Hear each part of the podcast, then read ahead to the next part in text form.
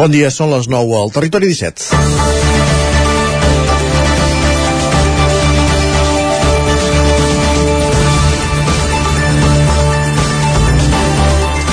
El Servei Català de Trànsit i el Ministeri de Transports han acordat diverses mesures amb l'objectiu de reduir la sinistralitat a l'AP7 una autopista on s'hi han concentrat el 17% de les víctimes mortals aquest any a Catalunya i d'ençà que es van aixecar els peatges ha vist incrementat el trànsit en un, entre un 40 i un 50%. Al tram central, els 20 quilòmetres que van de Mollet del Vallès al Papiol, s'aplica la mesura més rellevant, la reducció del límit de velocitat de 120 km per hora a 100 la mateixa mesura s'aplicarà al sud, entre Calafat i l'Ampolla, mentre que d'Altafulla a Constantí es manté la velocitat a 120 però s'instal·larà un radar de tram i a la ronda de Girona, de Fornells a Vilademuls, s'habilitarà un dels quatre carrils com a especialitzat per facilitar entrades i sortides amb limitació a 80 km per hora. No fa massa setmanes ho comentàvem a la tertúlia dels divendres. Només instal·lant el radar de tram i reduint la velocitat a la C-17 han disminuït dràsticament els accidents i la mortalitat al tram del Congost. Coneix Osona i el Vallès Oriental. Reduir la velocitat, en certa mesura, no implica un retard rellevant en el temps d'arribada, però sí que salva vides. Ara caldrà veure quins resultats té una mesura a l'autopista on hi ha on té la mesura a l'autopista on hi ha més de dos i tres carrils i sovint hi ha conductors que no tenen clar per quin han de circular. Allò de sempre a la dreta, exceptuant per fer avançaments, molts conductors s'ho van deixar al calaix de l'autoescola i circulen permanentment pel del mig, obligant a fer maniobres surrealistes per avançar-los i provocant situacions més surrealistes encara, com anar per l'AP7 en un tram de tres carrils amb els dos de l'esquerra congestionats i el de la dreta habilitat com a autopista perquè Dembélé arribi a la línia de fons. Que sigui gols ja són figues un altre paner.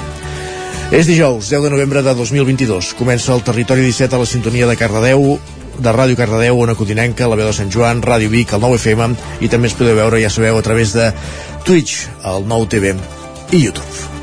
Territori 17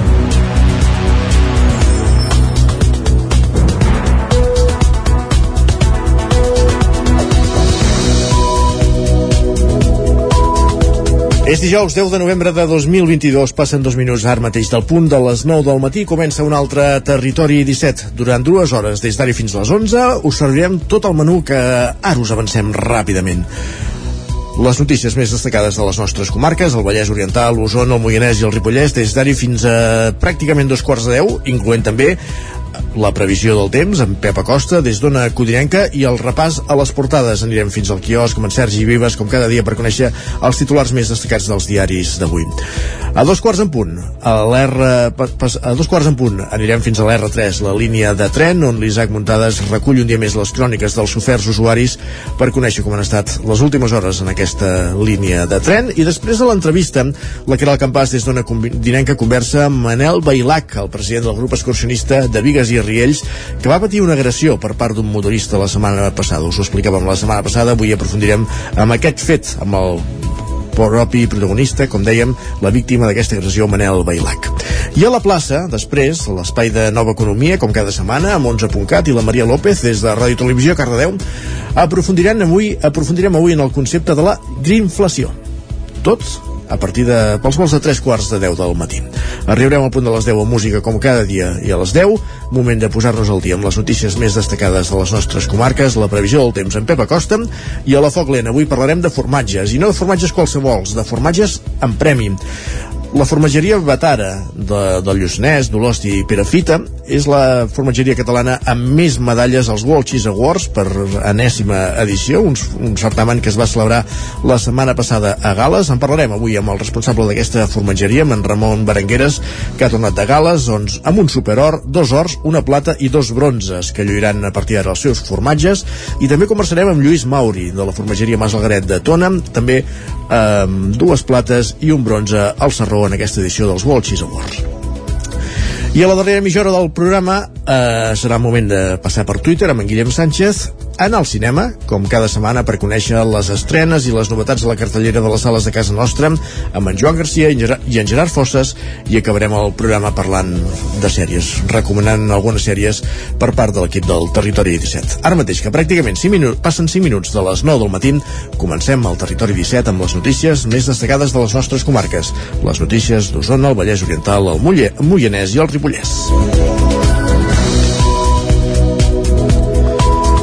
La meitat dels metges de família de l'ABS de Ripoll i Camprodon es jubilaran en els pròxims 10 anys. Isaac Muntades, la veu de Sant Joan, què implicarà tot plegat?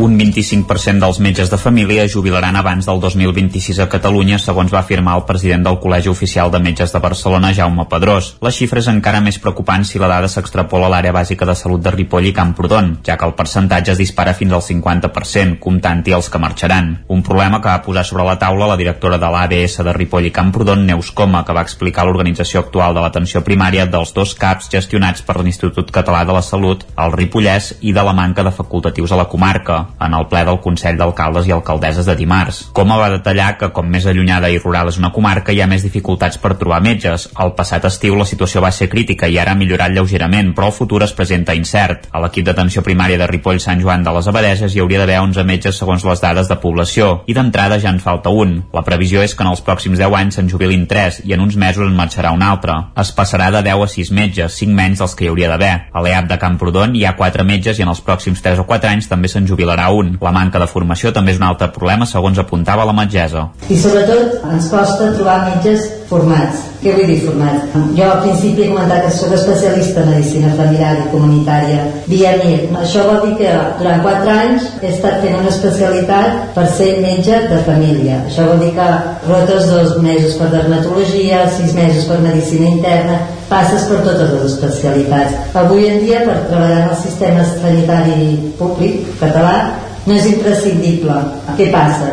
Clar, una mica, doncs, si trobem un metge, intentem que estigui format, però no és imprescindible que sigui metge de família. La metgessa va demanar iniciatives per fer més atractiva la comarca perquè hi vinguin més facultatius, solucions que exigirien donar incentius econòmics o facilitats per trobar habitatges, perquè va comentar que hi ha gent que vol venir però no troba pis i prefereix pujar i baixar de Vic cada dia des de Barcelona. Per una banda, el president del Consell d'Alcaldes i Alcaldessa, Ramon Roquer, va reconèixer que al Ripollès hi ha menys serveis dels que desitgen els professionals. Per l'altra, el president del Consell Comarcal, Joaquim Colomer, va criticar que no s'havia fet la feina durant tots aquests anys i que potser s'hauria de plantejar destinar metges a indrets on no n'hi ha com es fan altres professionals professions. Està previst que el conseller de Salut, Manel Balcells, visiti el cap de Ripoll en un o dos mesos. Més qüestions, gràcies Isaac. Anem cap al Vallès Oriental perquè els joves de Sant Feliu de Codines ja poden alertar de forma anònima i segura dels casos d'assetjament escolar i altres conflictes gràcies a la nova aplicació amb el nom de B-Resol. Caral Campàs, zona codinenca. Aquesta iniciativa s'ha creat per lluitar contra problemàtiques que afecten a la població més jove, com ara el bullying, el ciberbullying, l'assetjament, els trastorns alimentaris i qualsevol altre tipus de conflicte en l'àmbit adolescent. Laura Petit és regidora d'Educació a Sant Feliu de Codines. És una aplicació que poden utilitzar tota la jovent de, de Sant Feliu, des de primer d'ESO fins a 20 anys. És, és una app que et permet, quan tu tens un neguit, doncs tu pots triar parlar amb un psicòleg professional o bé pots parlar amb, un, amb una assistenta social que la coneix molta gent perquè és l'assistenta social que acostuma a l'escola i també pots parlar amb l'encarregat del centre jove de, de Sant Feliu. Per poder utilitzar aquesta app només cal que es descarreguin l'aplicació de forma gratuïta i un cop donats d'alta han d'introduir el codi de Sant Feliu de Codines, SFDC. A més, també hi ha altres funcions quan tens un neguit i, i no saps amb qui parlar-ho, et pots adreçar amb aquests tres professionals i llavors aquests professionals t'atenen virtualment. Llavors tu això pots fer-ho o bé anònimament o bé amb nom i cognoms. Però a més a més aquesta app també et permet focalitzar on estan els problemes. És a dir, si, si en un parc, per exemple, perquè una de les preguntes que et fa és on et passa aquest problema. Si, si realment és un problema de relació, doncs, doncs on tens aquest problema de relació. Llavors, si detectem que això acostuma, o que hi ha moltes, molts conflictes en un lloc concret del poble, Sí, també t'ho diu, l'APP. L'aplicatiu es pot descarregar des de Google Play pels dispositius d'Android i des de l'App Store per iPhone. Un altre dels avantatges que té aquest programari és que ho poden fer tant les víctimes com els observadors que percebin que alguna cosa va malament amb els seus companys. I els agents de la Policia Municipal de Mollet del Vallès portaran càmeres incorporades a l'uniforme. Pol Grau, Ràdio Televisió, Cardedeu. Els agents de la Policia Municipal del Mollet del Vallès portaran incorporades a l'uniforme càmeres de vídeo i àudio unipersonals mentre estiguin de servei i n'activaran l'enregistrament quan la situació ho requereixi.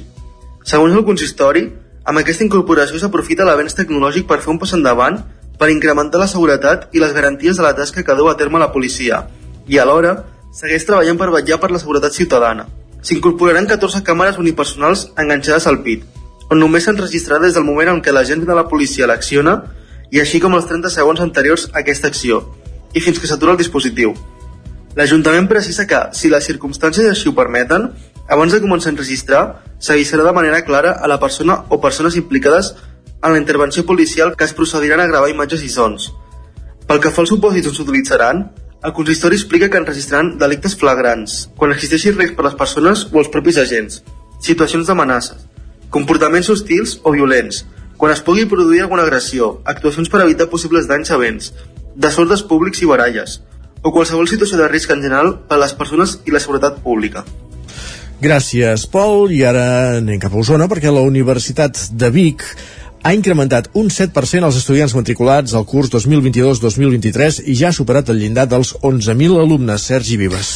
11.588 és el nombre total d'alumnes matriculats a la Universitat de Vic, Universitat Central de Catalunya, pel curs 2022-2023, un increment del 7% respecte al curs passat i, de, i del 42% respecte ara fa 5 anys. La matrícula de nou accés s'ha tancat amb 3.866 estudiants, una xifra que suposa un increment del 3% respecte al curs passat. Són dades que es van donar a conèixer aquest dimarts en un acte que va tenir lloc a Manresa i que va presidir el rector de la Universitat Bigatana, Josep Eladi Banyos. Amb aquest augment de matrícules a l'UBIC supera per primera vegada el llindar dels 11.000 estudiants, una xifra que els permet parlar ja d'una universitat de mida mitjana. I de nou, si mirem la dada diguem-ne d'evolució temporal d'aquesta matrícula podem veure que en aquests 5 anys hem passat de poc més de 8.000 estudiants a 11.600 el que suposa també un augment d'un 42%.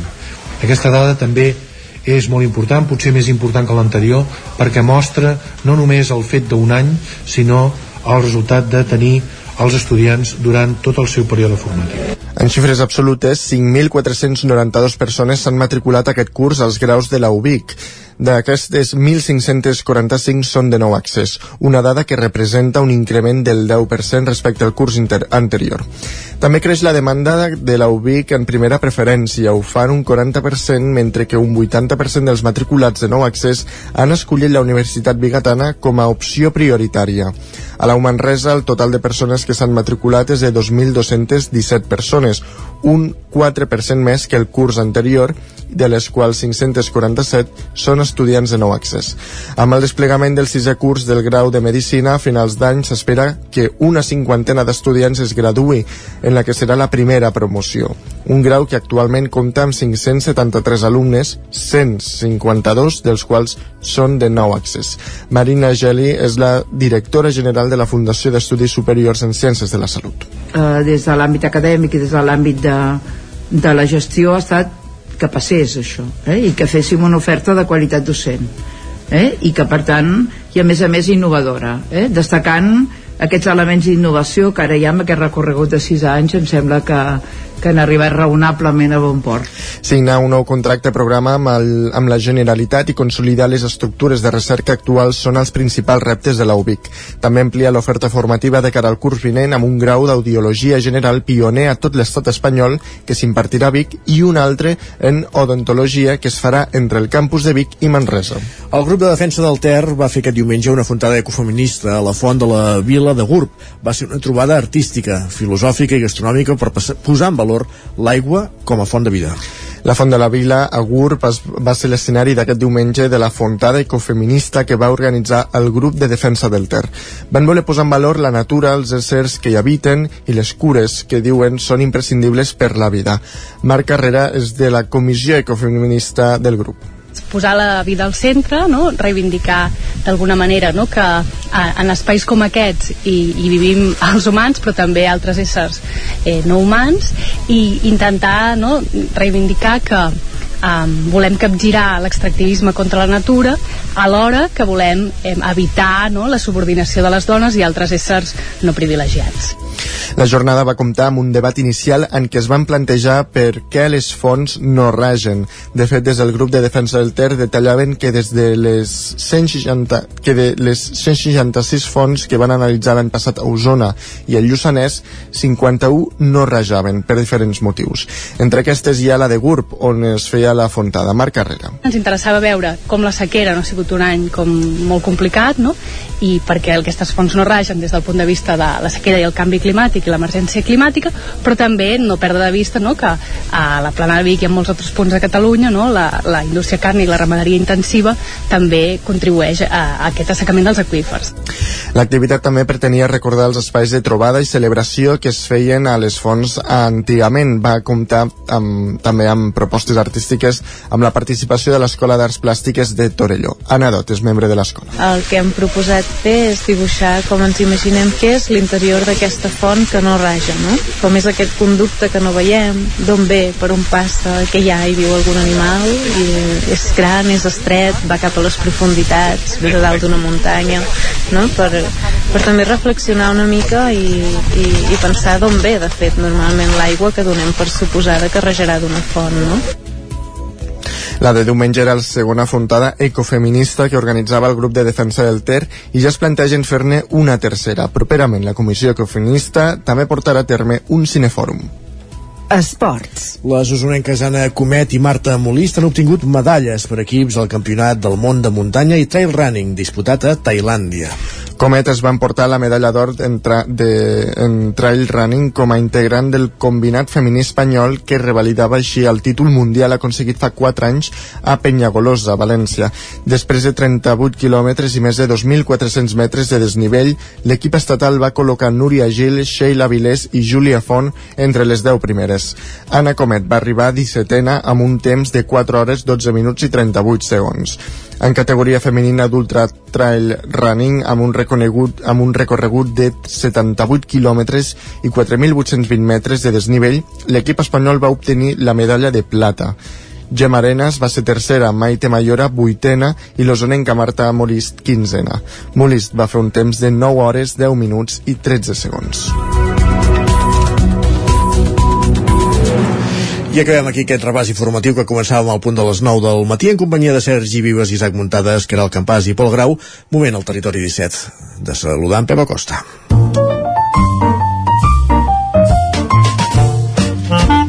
Casa Terradellos us ofereix el temps. I ja el coneixeu, és el nostre home del temps. Anem a una codinenca per saludar-lo i saber quin temps farà avui. Pep, bon dia. Hola, molt bon dia.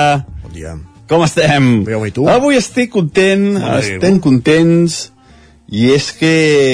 mm, Atenció, perquè ha plogut. Uh, un fenomen que pensàvem que ja el teníem oblidat, doncs ha plogut. Ha plogut, hi han hagut uh, precipitacions aquesta nit, sobretot cap al prelitoral, uh, molts valors entre els 5 i els 10 litres, Uh, no, és la zona del país on, hem, on ha plogut més les comarques. Uh, si, cap a la costa cap a l'àrea metropolitana és on ha plogut més en valors superiors als 50 litres. Vull dir, molt bona notícia.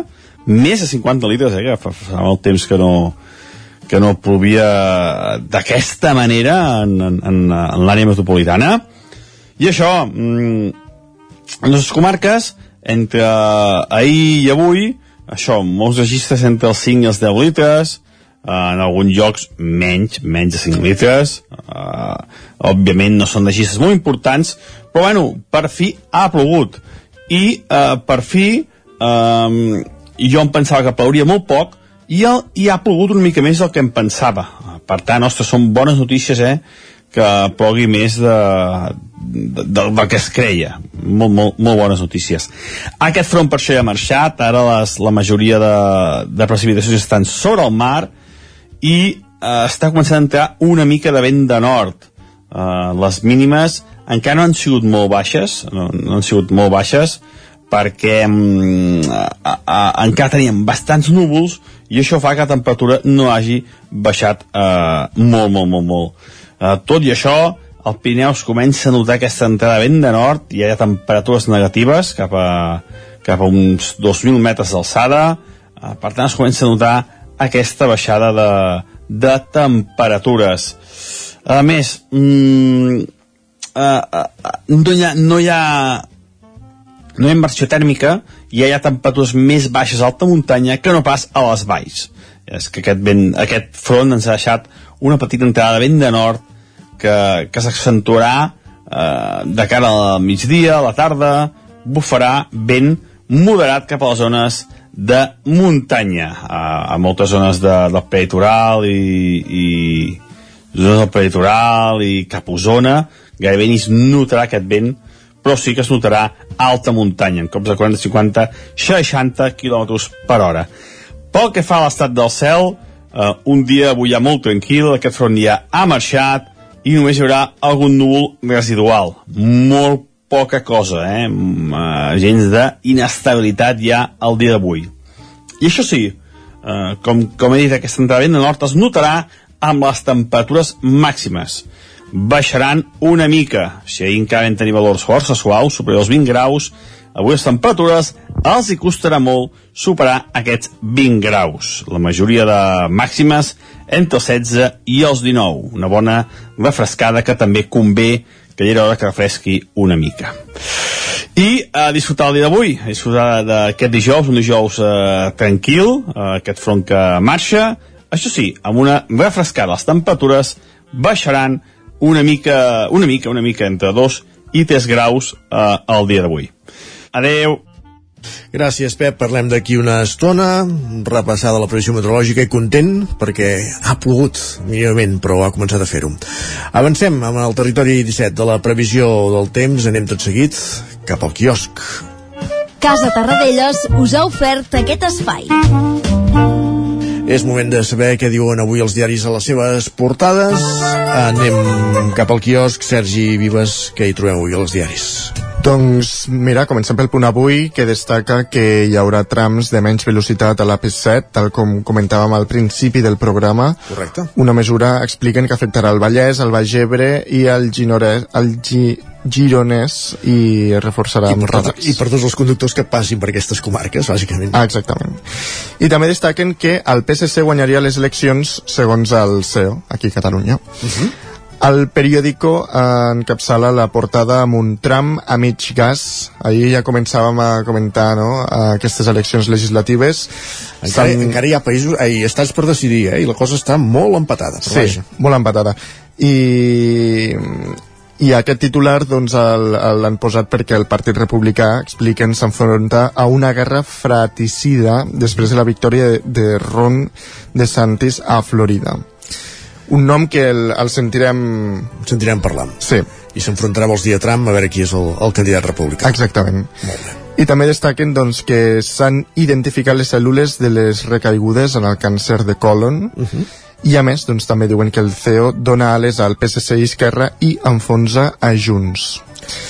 Això són enquestes del CEO, les eleccions seran entrat l'any vinent, per tant veurem com, com avança tot plegat. Ah, no, encara. Les- L'any No, vinent no, les le- municipals. sí, exacte, sí, sí, sí. Les del Parlament encara falta. Aquestes són les primer, el primer baròmetre després de, de la sortida de Junts del Parlament. La Vanguardia destaca que els demòcrates perden terreny, eh, però contenen eh, la contenen la marea republicana i aquí veiem doncs, una fotografia del demòcrata John Fetterman que es va imposar per sorpresa al republicà Mehmet Oz a les eleccions a senador a Pensilvània. Molt bé. I també destaquen que Rússia anuncia que deixa Kherson, la seva gran conquesta, a la guerra. Lara destaca que Kiev rep amb recel la retirada russa de Kherson i també expliquen que Junts perdria 13 diputats segons el primer baròmetre des de que va sortir del govern. I l'ara, doncs avui també mostra la cara vulnerable dels bombers, i és Sí. que el bomber i fotògraf Francesc Plana doncs, mostra la feina de bomber en una exposició al Pati Limonar amb retrats de 18 bombers que han passat per experiències difícils. I aquí doncs veiem una fotografia d'un bomber que pues, amb una d'aquestes experiències doncs, va perdre les cames. Carai. A Madrid el país diu que els Estats Units eh, frena l'onada trumpista. Uh -huh. Expliquen que en un escrutini molt ajustat frustren les aspiracions de Trump d'una tornada triomfal. I aquí el país posa dos gràfiques, una del Senat, que veiem doncs, l'evolució que hi ha hagut entre el 2020 i el 2022, i el mateix fa amb la segona gràfica, que ara parla, doncs, és de la, de la Càmera de Representants. Tot això acompanyat doncs, d'una fotografia de Biden ahir a la Casa Blanca. Molt bé. L'ABC destaca que DeSantis, eh, aquest nom que ja anirem escoltant d'aquí uns dies. Sí, eh, el, el proper rival de Trump. Ah, exactament. Sí. Doncs és el nou referent republicà després del fracàs dels candidats de Trump. I aquí veiem doncs, una fotografia d'aquest uh, senyor en un míting, que per cert doncs, ell és el governador de l'estat de Florida. Molt bé. I per altra banda diuen que Espanya demana temps a la Unió Europea, diuen que el govern incomplirà el pla de recuperació exigit per rebre els fons si Europa no els dona més plaç per fer les reformes. Molt bé.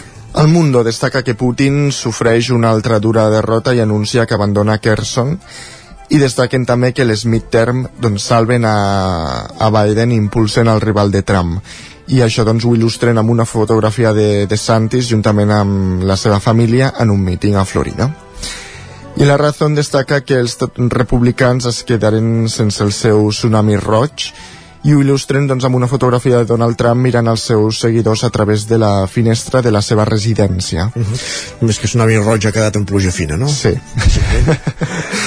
I també destaquen que Sánchez no té més opció que mirar el PP pels assumptes sensibles aquests assumptes sensibles doncs, són aquelles qüestions la, eh, segons la raó que discrepa amb els seus eh, aliats molt bé, doncs repassats eh, les portades dels vuit diaris editats, quatre editats a Catalunya, quatre editats a Madrid que podem trobar al quiosc moment de repassar ràpidament els titulars dels digitals del 99.cat. Osona i el Ripollès. Doncs a Osona trobem una entrevista a Josep Costa, exdiputat i vicepresident del govern, uh -huh eh, que eh, posem en la... Vicepresident del Parlament.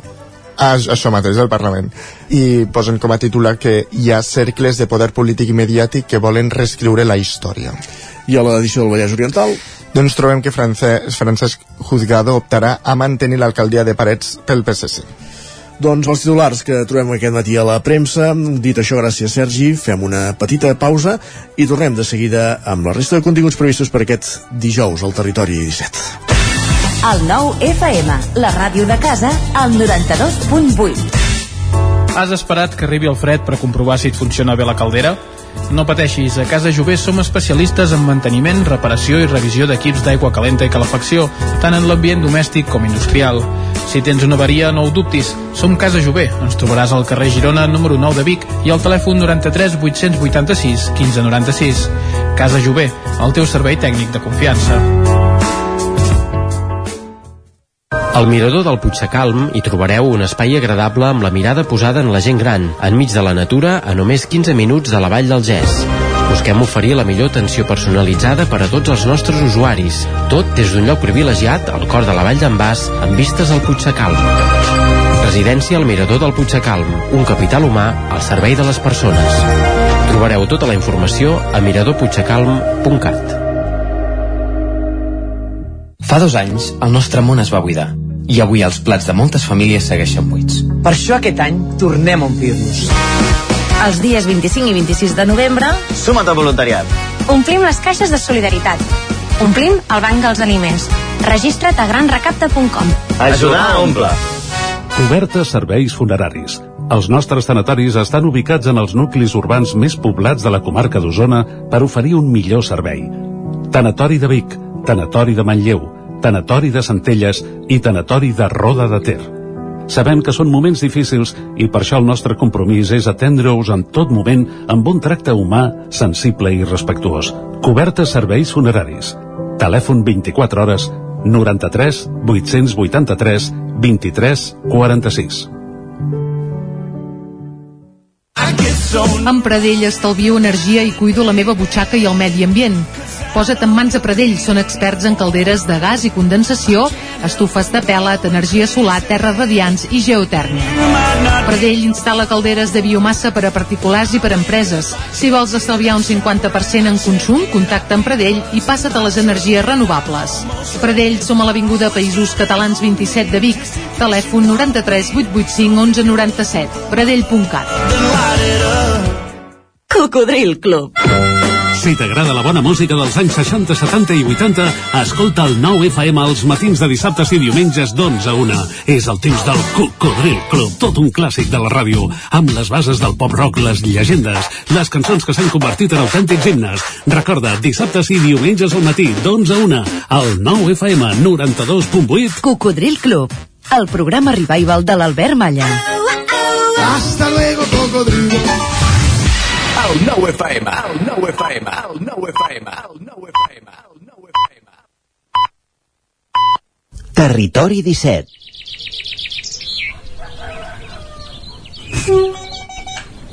A Tren d'Alba. Cada dia els usuaris i usuàries de la línia R3 de Rodalies que veuen sortir el sol des d'un vagó ens expliquen les gràcies i les penes del primer comboi que uneix Ripoll i Barcelona o les feixugues jornades amb el tren després de treballar.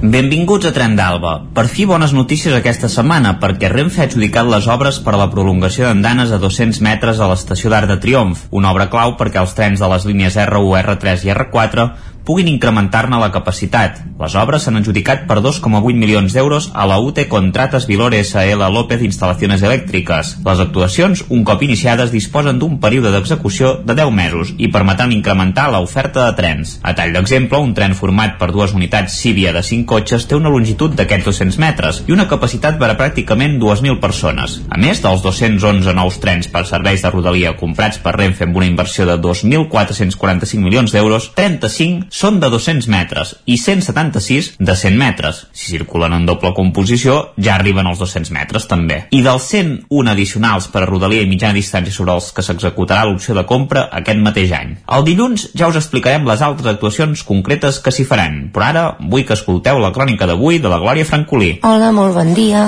Aquí la Glòria des de l'R3 encara amb un bon constipat. Avui el tren que ha sortit de l'estació de Sants a dos quarts de sis de la tarda ha arribat a Torelló amb 3 o 4 minuts de retard. Avui en el trajecte no ha passat res. Sí que us volia reflexionar sobre el fet i la fascinació que tenen la canalla petita quan van amb tren. Avui no ha passat, però sí que passa a vegades que quan arribes a qualsevol estació dels afores de Barcelona et trobes un, una personeta, dos, tres anys, acompanyada d'un adult, normalment el seu avi o la seva àvia, o també pot ser els seus pares, dient adeu al tren. I et trobes també amb la situació de dir tu adeu a aquella personeta que està totalment fascinada per al tren, per la seva forma i per la velocitat, pel soroll, és realment molt, molt bonic de veure i una altra cosa molt divertida és quan un d'aquests nens o nenes pugen al tren i tu coincideixes, tens la sort de coincidir amb ells en el mateix vagó, perquè llavors pots sentir les converses, la vivència més aviat, no? Del que, del que suposa anar-hi. I en el fons això és el que atenim també de grans quan tot va bé, que realment, ja ho hem dit moltes vegades, anar amb tren és el millor que hi ha. El paisatge, la comoditat... Doncs bé, jo penso que la llavor de tot això que ens agrada segurament es cultiva en aquesta edat més primera. El problema és que a vegades no funciona el tren, ja ho sabem, i, i fa difícil que aquesta innocència i que aquest, aquest bon fer del tren i aquesta fascinació per, pel tren es mantingui amb el pas del temps. No res, dia reflexiu avui, ja ho veureu, ja ho veieu. Espero que tots i totes tingueu un molt bon dia. Primer de tot, esperem que aviat recuperis la teva veu habitual i et curis d'aquest constipat. Els nens són molt innocents i el tren sens dubte fa molta gràcia. Quan siguin més grans ja s'adonaran que no és tot hora el callú. La duresa de l'R3 fa que envelleixis de cop per tots els mal de caps que comporta. Va, en retrobem dilluns amb més històries del tren i de l'R3. No és tot hora el callú, muntades, mare de Déu. Va, uh, gràcies un dia més, Isaac. Passen 3 minuts i mig de dos quarts de 10, anem cap a l'entrevista. Territori 17. Envia'ns les teves notes de veu per WhatsApp al 646 079 023. 646 079 023. WhatsApp Territori 17.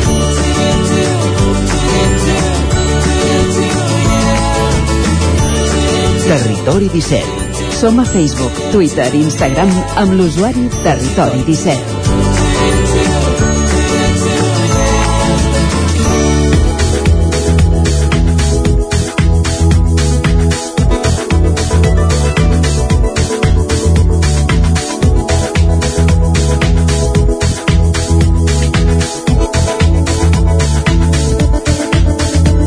Avui a l'entrevista aprofundirem en el cas de Manel Bailac, el president del grup excursionista de Vigues i Riells, al Vallès Oriental, que va ser víctima de l'agressió per part d'un motorista que el va atropellar al recriminar-li que circulava per un camí prohibit.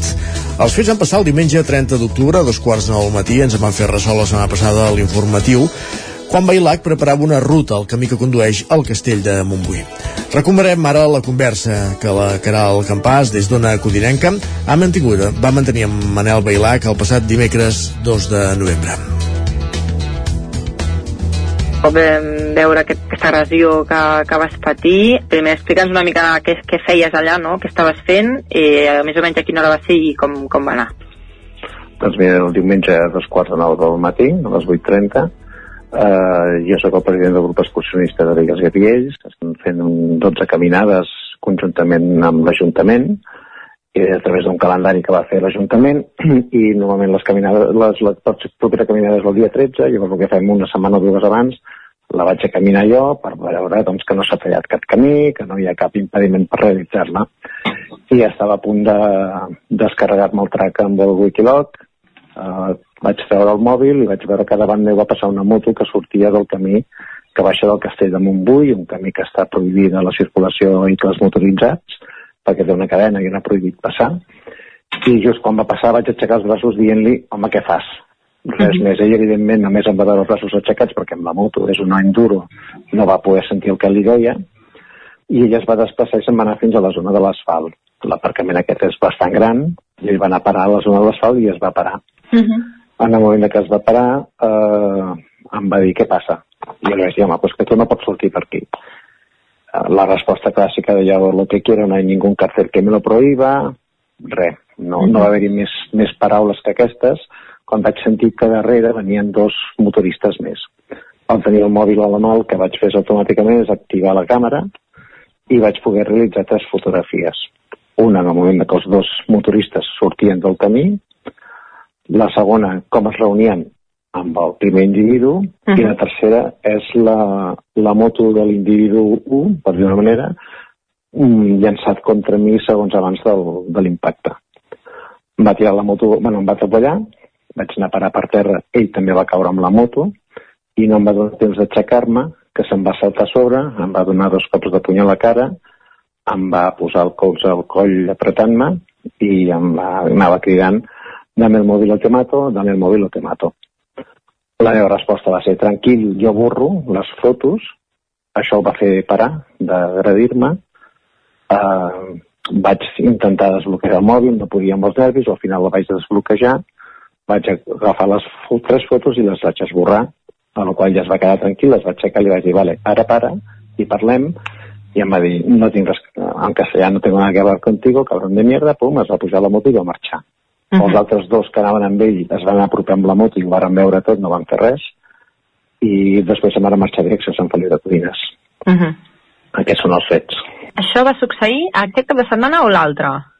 No, aquest diumenge. Aquest diumenge, vale. vale. Fa sí. tres dies, eh, diguéssim? Sí, sí. Val. Posteriorment vas adreçar-te a la policia, com, què va, com va anar? Automàticament, com que no sabia massa què fer, vaig trucar a la policia local, uh -huh em va agafar el telèfon a la noia i em va dir, de seguida pugem. La veritat és que vaig trigar una mica i quan va arribar la noia amb el cotxe em va dir, perdona, que hagin trigat perquè quan estàvem pujant hem vist tres motoristes que baixaven molt de pressa i els hem parat, amb la intenció de que potser eren els mateixos. Diu, tens fotos dels motoristes? Dic, en tenia, però me les han, les, me les han fet borrar. Diu, no, tranquil, perquè les tens a la paperera. I jo és la primera vegada que sabia que tenia una paperera. I el, com que s'havien trencat les ulleres i no m'hi veia i estava nerviós, i dic, mira, té el mòbil, fes el que puguis. Sí. I ella va, va agafar el meu mòbil, el va desbloquejar, va anar a la paperera aquesta i les va recuperar. Automàticament, quan va veure que no eren els primers nois que havien parat, va trucar al seu company i va dir, no són ells, Val. deixa'ls marxar, i em va dir, jo ara puc fer un informe, però jo el que et recomano és que amb el teu estat com estàs, si pots conduir, em va demanar si volia una ambulància, li vaig dir que no, i em va dir si et, pots, si et veus capaç, vés-te'n a l'hospital, és un parte de lesions, i te'n vas als Mossos i, i fas la, la denúncia. Uh -huh. I finalment vaig a l'hospital, em van fer un parte de lesions de tot el que tenia, i no vaig anar als Mossos. Vaig anar als Mossos... Uh, uh, no, vaig anar uh, uh, allà mateix al costat de l'Hospital de Granollers, Val i el que em va sorprendre és que no em van voler agafar perquè no me van dir que no tenia cita prèvia. I això la veritat és que és sorprenent, hi havia dos Mossos allà a l'entrada i no, no yeah. estaven fent res, no hi havia ningú que esperava, però em van dir que no, no, no havien d'atendre perquè no tenia cita prèvia. Mm, sorprenentment vaig Ja. arribar a casa, vaig demanar cita prèvia i ja vaig anar, demanar directament a Caldes i a Caldes doncs al, al matí primera hora a les 7 del matí ja estava fent la denúncia. Avui, això. Vaig. Això va ser, no, l'endemà. Ah, val, d'acord. Dilluns. Dilluns, val. Sí. Automàticament vaig presentar les fotos Uh -huh. i em van dir que amb les fotos poc podien fer perquè no se'ls hi veien ni les matrícules ni les cares, evidentment van en casc i, i amb ulleres, i que poc podien fer. Uh, jo li vaig dir, home, a través del geolocalitzador, si mireu l'hora que es van fer les fotos, podeu veure quins mòbils hi havia en l'aparcament del castell de Montbui. La sorprenent resposta dels Mossos d'Esquadra va ser que les meves lesions no eren lo suficientment importants com per activar una, una búsqueda. Em va sorprendre molt aquesta resposta sí. i va dir "Mm, no t'has fet, no t'han fet ni sang, no t'has fet ni... no t'han hagut de posar ni punts. Dic ja, però bueno, no crec que sigui necessari que em facin molt mal per, per buscar l'agressor perquè he fet una consulta amb un abogat i en principi això es podria declarar intent d'homicidi directament, perquè aquest senyor no ha mesurat les forces, ha anat a atropellar-me. Tinc la sort doncs, que jo no tinc una constitució una miqueta forta i que no, les lesions van ser fortes, eh, van ser fluixes. Clar, i ara quin és el recorregut? En principi, eh, eh, l'alcalde es va posar en contacte amb mi, realment la, per part del consistori mm, he tot rebut molt de recolzament, em varen dir que dintre, a Vigues, tots els carrers d'entrada i sortida de Vigues, els carrers principals, tenen càmeres de lectura de, de matrícules i que farien una recerca de, des de les 7 fins a les 11 de matí, allà en quin moment podien haver sortit ells i si se'ls hi podia llegir la matrícula. Val.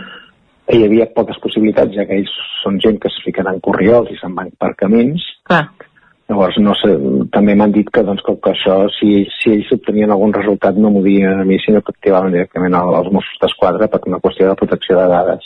Uh -huh. Llavors, en, actualment no sé en quina situació està. eh, tu, si els veiessis, sabries qui són, entenc. Era de ser gent de la zona o...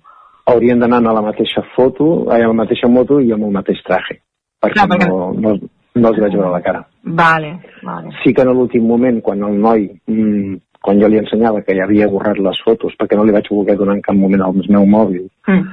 semblava que no ho veia bé i en aquell moment es va retirar una miqueta les, la, la, les ulleres sí. per veure realment que havia borrat les fotos i en aquell moment vaig poder veure que tenia els ulls tirant a clars. No eren blaus, però sí que eren tirats a clars. Però és tota la informació que tinc. Ostres, mm, és, és impactant. Uh, Va durar molt poc temps, molt poc temps. Vull dir, no, I aquella hora, quarts de deu, del, a quarts de nou del matí, eh, d'allà no passa ningú. ja, ja, ja. Um, llavors no hi ha... O sigui, l'única via que tens és uh, les imatges de les càmeres que l'Ajuntament de Vigues ha dit que es, es farà el seguiment aquest. Sí, s'intentarà a través d'aquestes càmeres, aviam si aconsegueixen esbrinar que igual ja ho han fet i han passat la documentació, no, Val. no en tinc ni idea. Vale, no I les fotos meves l'únic que porten és la vestimenta i el tipus de moto, Clar. i sí que és veritat que porten una cronologia dels fets. Mm. Primera foto es veu com els nois baixen de, pel camí que no és permès, Mm. segona foto es veu com aquests nois van cap al primer i en aquell moment el primer està començant a girar la moto i la tercera foto és la moto a pocs metres meus abans de l'impacte. Mostra molt bé la cronologia. Per, per anar acabant, eh, és habitual, eh, no tant l'agressió en si, sinó, que entenc que no, espero, vaja, eh, sinó trobar mm, bé motoristes o gent que passa per camins que no... Bé, desgraciadament és com molt habitual i tenim la sort que la majoria de vegades eh, els mateixos usuaris d'aquest- d'aquestes motos, quan passen per corriols, saben que ho estan fent malament Mm. i quan veuen que els hi aixeques la mà, normalment baixen la velocitat i el que fan és saludar-te, Mm. va baixant el cap una miqueta com demanant disculpes. Això és lo habitual. Uh -huh. Vull dir, no m'agrada- no m'agradaria que un personatge com aquest arribés a, a, a, cremar amb un col·lectiu ni, ni a definir un col·lectiu, perquè és un Clar. col·lectiu doncs, que, tot i que les seves motos estan preparades per anar per corriols i no els hi està permès, ho fan. Uh -huh. La majoria de vegades, jo, jo soc bastant activista en aquest tema i normalment els dic, cuidado, per aquí no podeu passar. La majoria, el 80% de les vegades, hi ha bon feedback, hi ha bona relació, Mm. i algunes part inclús i et parla, Uh -huh. val? algun altre et fa la típica peineta i tira, Mm. i mai, mai, mai m'havia trobat amb un episodi com aquest. Mm-hmm. Mai. Res tan greu com això. Mhm. Alguna amenaça sí, però no, no una agressió directa. Clar, això potser tirar una mica enrere, no? A partir d'ara potser fer segons què o com, com ho vius, això? Res, tot el contrari. Val. Com, vaig, com ja he dit, jo fins ara ja soc president del grup excursionista, ara soc president i a més activista. Mm. M'he tornat amb activista. I més amb el recolzament que estic rebent per part de tothom, inclús de motoristes d'enduro que em diuen Molt bé. "Mm, no ho deixis passar. Llavors, bueno, se- seré prudent, Uh -huh. però, però no deixaré de, de, de fer la meva feina. Molt bé, Manel, doncs queda claríssim. que m'hagi trucat, o sigui, la intencionalitat de que surti a les xarxes principalment, és que aquest senyor, encara que no se l'enganxi, sí que sàpiga que l'agressió que ell ha provocat per retirar unes fotos no li ha servit de res, Clar. perquè les fotos estan en mans de la policia, i això ho ha de saber, i ha de tenir por de tornar a sortir, i ha de tenir por de tornar a venir per aquests llocs, i ha de tenir por de tornar a intentar agredir algú.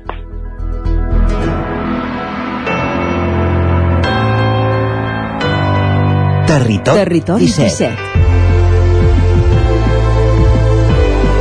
Territori 17.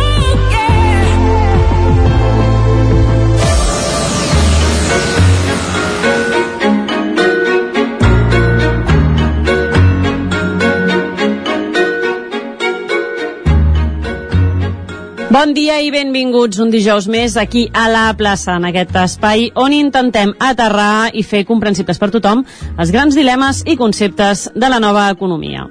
I avui des d'11 ens arriba un concepte d'aquells que a mi m'encanten i que ens permeten posar paraules a la realitat que ens trobem al nostre territori.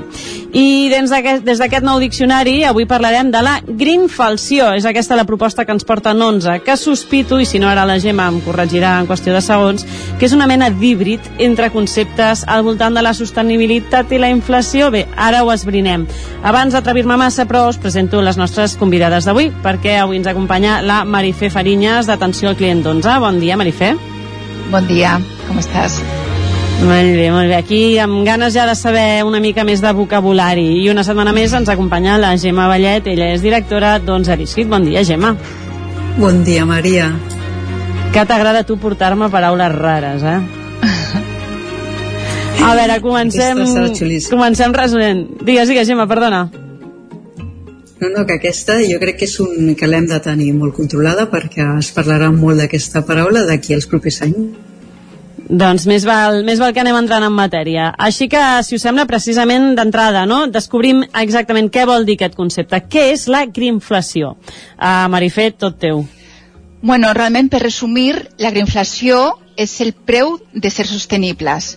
El, és el que ens costa que utilitzem les energies renovables i ser sostenibles. Això seria el, Sí, perquè el ens resum. La, la definició de, de diccionari, no? Diguéssim, perquè Sí. ens entenguem, això aniria lligat una mica a que ara, eh, que estem tots fent aquest esforç una mica extra, no? Aquesta readaptació per ser una mica més sostenibles, això al final ens és més car? O sigui, pod podríem parlar del fet de que ens surti, per exemple, mm, no sé, eh? més car doncs, no anar amb una bossa de plàstic i comprar bosses de tela, per exemple. Tiraria per aquí el tema? Bueno, és més ben el fet d'utilitzar les energies renovables, porque, y es a causa de que són les matèries primeres que s'estan encarint, perquè les, estem usant més, perquè deixem, de la, de, deixem a un lado eh, les, eh, les energies fòssils i utilitzem les energies renovables, doncs les matèries primeres estan encarint-se. I és això el que es porta a, a aquest terme, la greenflació, perquè estem en, eh, augmentant els, el, la revolució aquesta verda que en la que estem immersos està augmentant el preu de les matèries primeres. És, per exemple, Mhm. les matèries primeres relacionades perdó, amb els panells solars, com per exemple el coure, el níquel, el liti, fan que s'hagi augmentat un 90% les matèries primeres i aquest fenomen és el que es coneix com inflació. Llavors, ara és molt més car, per exemple, posar-me unes plaques solars que fa mm, 5-10 anys, per exemple? Sí, hi ha més demanda i els preus s'han elevat. Sí, O sigui, d'alguna manera és el cicle natural no, de l'oferta i la demanda portat a les matèries primeres i en aquest cas assenyalant les matèries primeres relacionades a la sostenibilitat. No? O sigui, ser, ser més sostenibles eh, d'alguna manera ens està sortint cada una mica, una mica més car. Una no sé si suposo que deuen... Digues, perdona, Maria. Però és més car que abans. A llarg Tot termini i així continua millor. compensant? econòmicament parlant, perquè una de les coses que sempre s'havia parlat, per exemple, amb les, amb les plaques solars, és que a llarg termini eh, et podies acabar estalviant diners de la, de la factura de la llum, per així dir-ho, no? Eh, continua sent així o el fet de que s'hagin carit eh, la instal·lació de plaques solars fa que ja no haguem de fer-ho tant pensant en l'economia mensual com en la sostenibilitat? No, eh, segueix sent rendible perquè també els materials fòssils també estan pujant. El preu de la llum també ha pujat, el preu de del gas també ha pujat.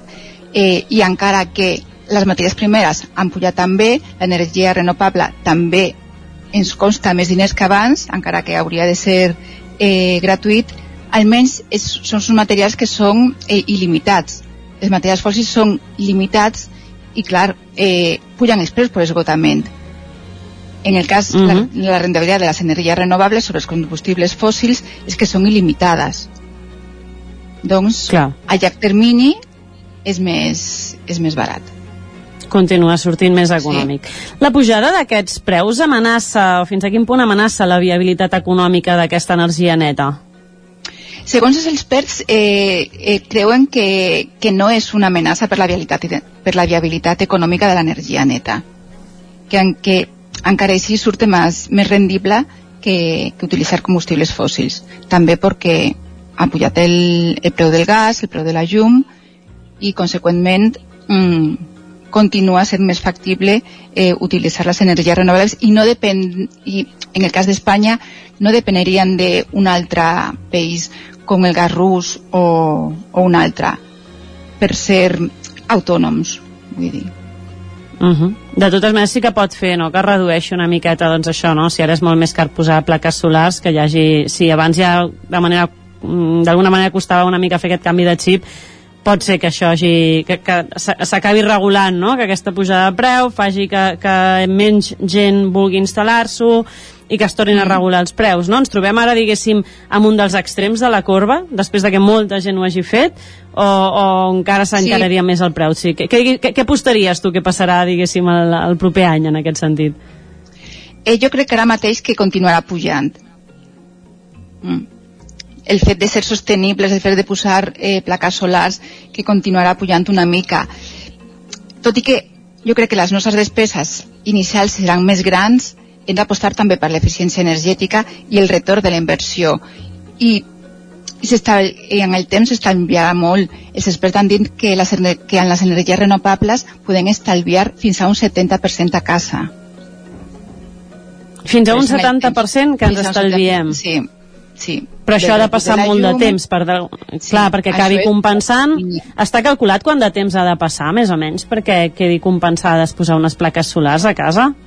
Claro, és que depèn del preu de la llum, ara s'ha elevat molt el preu de la llum i també del preu que t'ha costat a tu posar les plaques solars. Clar, aquest mm. preu ara, doncs el que deia, com, no? Igual d'aquí un any encara serà més car i, i llavors trigaries un temps més encara en, en compensar-ho, no? Mm també hem de tenir en compte que utilitzant aquestes energies naturals, aquestes energies alternatives, també protegint la terra. És un, és un plus. Un canvi de filosofia, eh? Clar, és que aquí, sí, sí, sí. aquí encara funcionem d'alguna manera o tirem molt de, de fer valorar si les coses ens, ens compensen o no amb la calculadora, no? I Sí. fer aquesta valoració econòmica. I encara ens costa, no? Aquest... Miren la butxaca, però també a llarg termini serà més rendible per la nostra butxaca i també per, le, per el medi ambient. encara ens falta una mica aquest canvi de, de xip que potser podríem eh, qualificar, no sé com ho veus Gemma, no? a mi em sembla més característic moltes vegades de, de països més del nord d'Europa, no? aquesta filosofia més de pensar en sostenibilitat i no tant en la butxaca.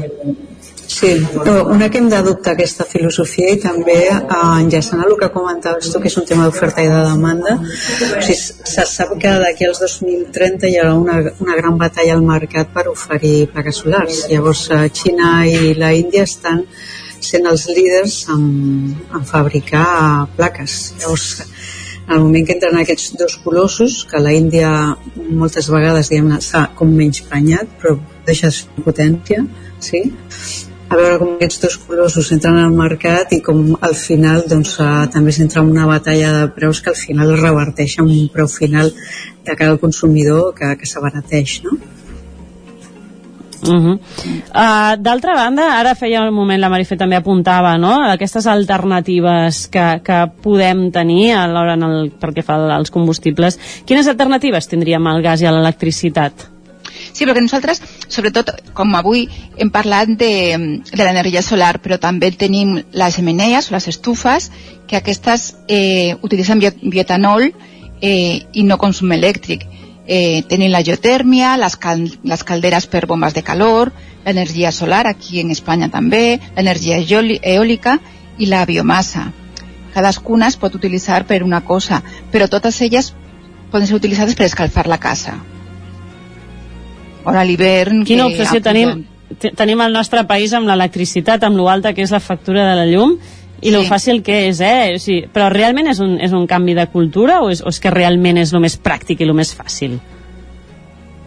Jo crec que aquí que és, un, que és una cultura que va entrar i també perquè durant molt de temps el mercat espanyol, com tu saps, ha estat controlat un, per un monopoli elèctric a posterior per un oligopoli perquè a hores d'ara estem també observant que hi, ha, que hi haurà cinc guanyadors en aquest mercat que entra de solars. Per tant el que hem de fer com a, com a clients finals o, consumidors d'aquest tipus d'energia de, el que hem de ser una miqueta menys eh, comodons buscar informació sí? i programes com aquests doncs, ajuden a facilitar la informació a la gent perquè s'espavili i agafin alternatives perquè la eòlica, per exemple eh, està molt bé també eh? i al nord d'Espanya doncs, és una de les primeres potències Sí, jo crec que hem de fer com un canvi de xip i saber almenys que hi ha alternatives al mercat un canvi de xip que hem de fer tots per saber almenys que hi ha alternatives, que no només és l'electricitat i el gas, que també és el, el que tenim sempre, el que tenim la costum des de, des de petits, però obrir la mente i saber que almenys hi ha alternatives que són més econòmiques i més netes en el medi ambient. Doncs amb aquesta proposta d'obertura de ment eh, cap a noves maneres de consumir, cap a noves vies no? d'aconseguir la nostra energia, l'energia que necessitem en el dia a dia, eh, ens quedem i prenem apunts i hem descobert també què és la grinfalció. Uh, i estarem ara, jo ja miraré de diferent ara quan vegi aquests preus i aquests valls de preu a les plaques solars perquè ara, ara sabré d'on ve i això sempre, sempre és una cosa que ens omple moltíssim així que moltíssimes gràcies Marifé, moltíssimes gràcies Gemma per acompanyar-nos, per resoldre'ns exactament què és aquest nou concepte que introduïm al nostre diccionari i per fer-nos una mica més savis a totes i a tots plegats en el món de l'economia. Gràcies a totes dues. Gràcies, Moltes gràcies. Gràcies a tu també, Maria, una setmana més per acostar-nos aquí a la plaça tots aquests aspectes que podem tractar o a, a conèixer. Arribarem al punt de les 10 com cada dia amb música i avui ho fem amb una nova cançó de l'Helena Gadel coneguda per tothom. Ara feia 8 anys que no escrivia cap cançó i ja està preparant un nou treball discogràfic del qual podem escoltar ja el primer abans, una cançó que es diu Et confesso, es confessa, diu, la cantant i compositora publica Et confesso, on s'allibera i diu del seu, eh, el seu enamorat que per moltes persones que conegui, ell és l'únic que habita dins seus. Amors impossibles, amors que no coincideixen en l'espai-temps, amors d'amor va aquesta cançó d'Helena Gadel. Fins a les 10, et confesso, al territori 17. Amor meu, que ets l'únic per qui em batega el cor, l'únic per qui ballen els meus peus i et desitjo el bé del món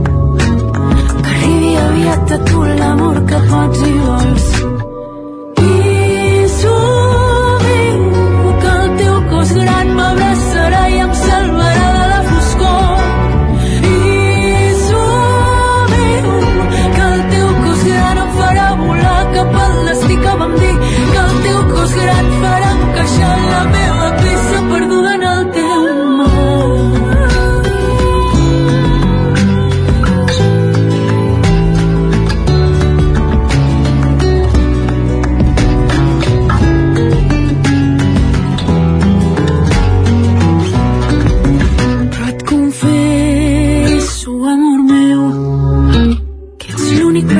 batega el cor l'únic per qui ballen els meus peus i et desitjo el bé del món. Que arribi a tu l'amor que pots i vols però et confesso amor meu que ets l'únic per qui em batega el cor l'únic per qui ballen els meus peus i et desitjo el bé del món. Que arribi aviat a tu l'amor que pots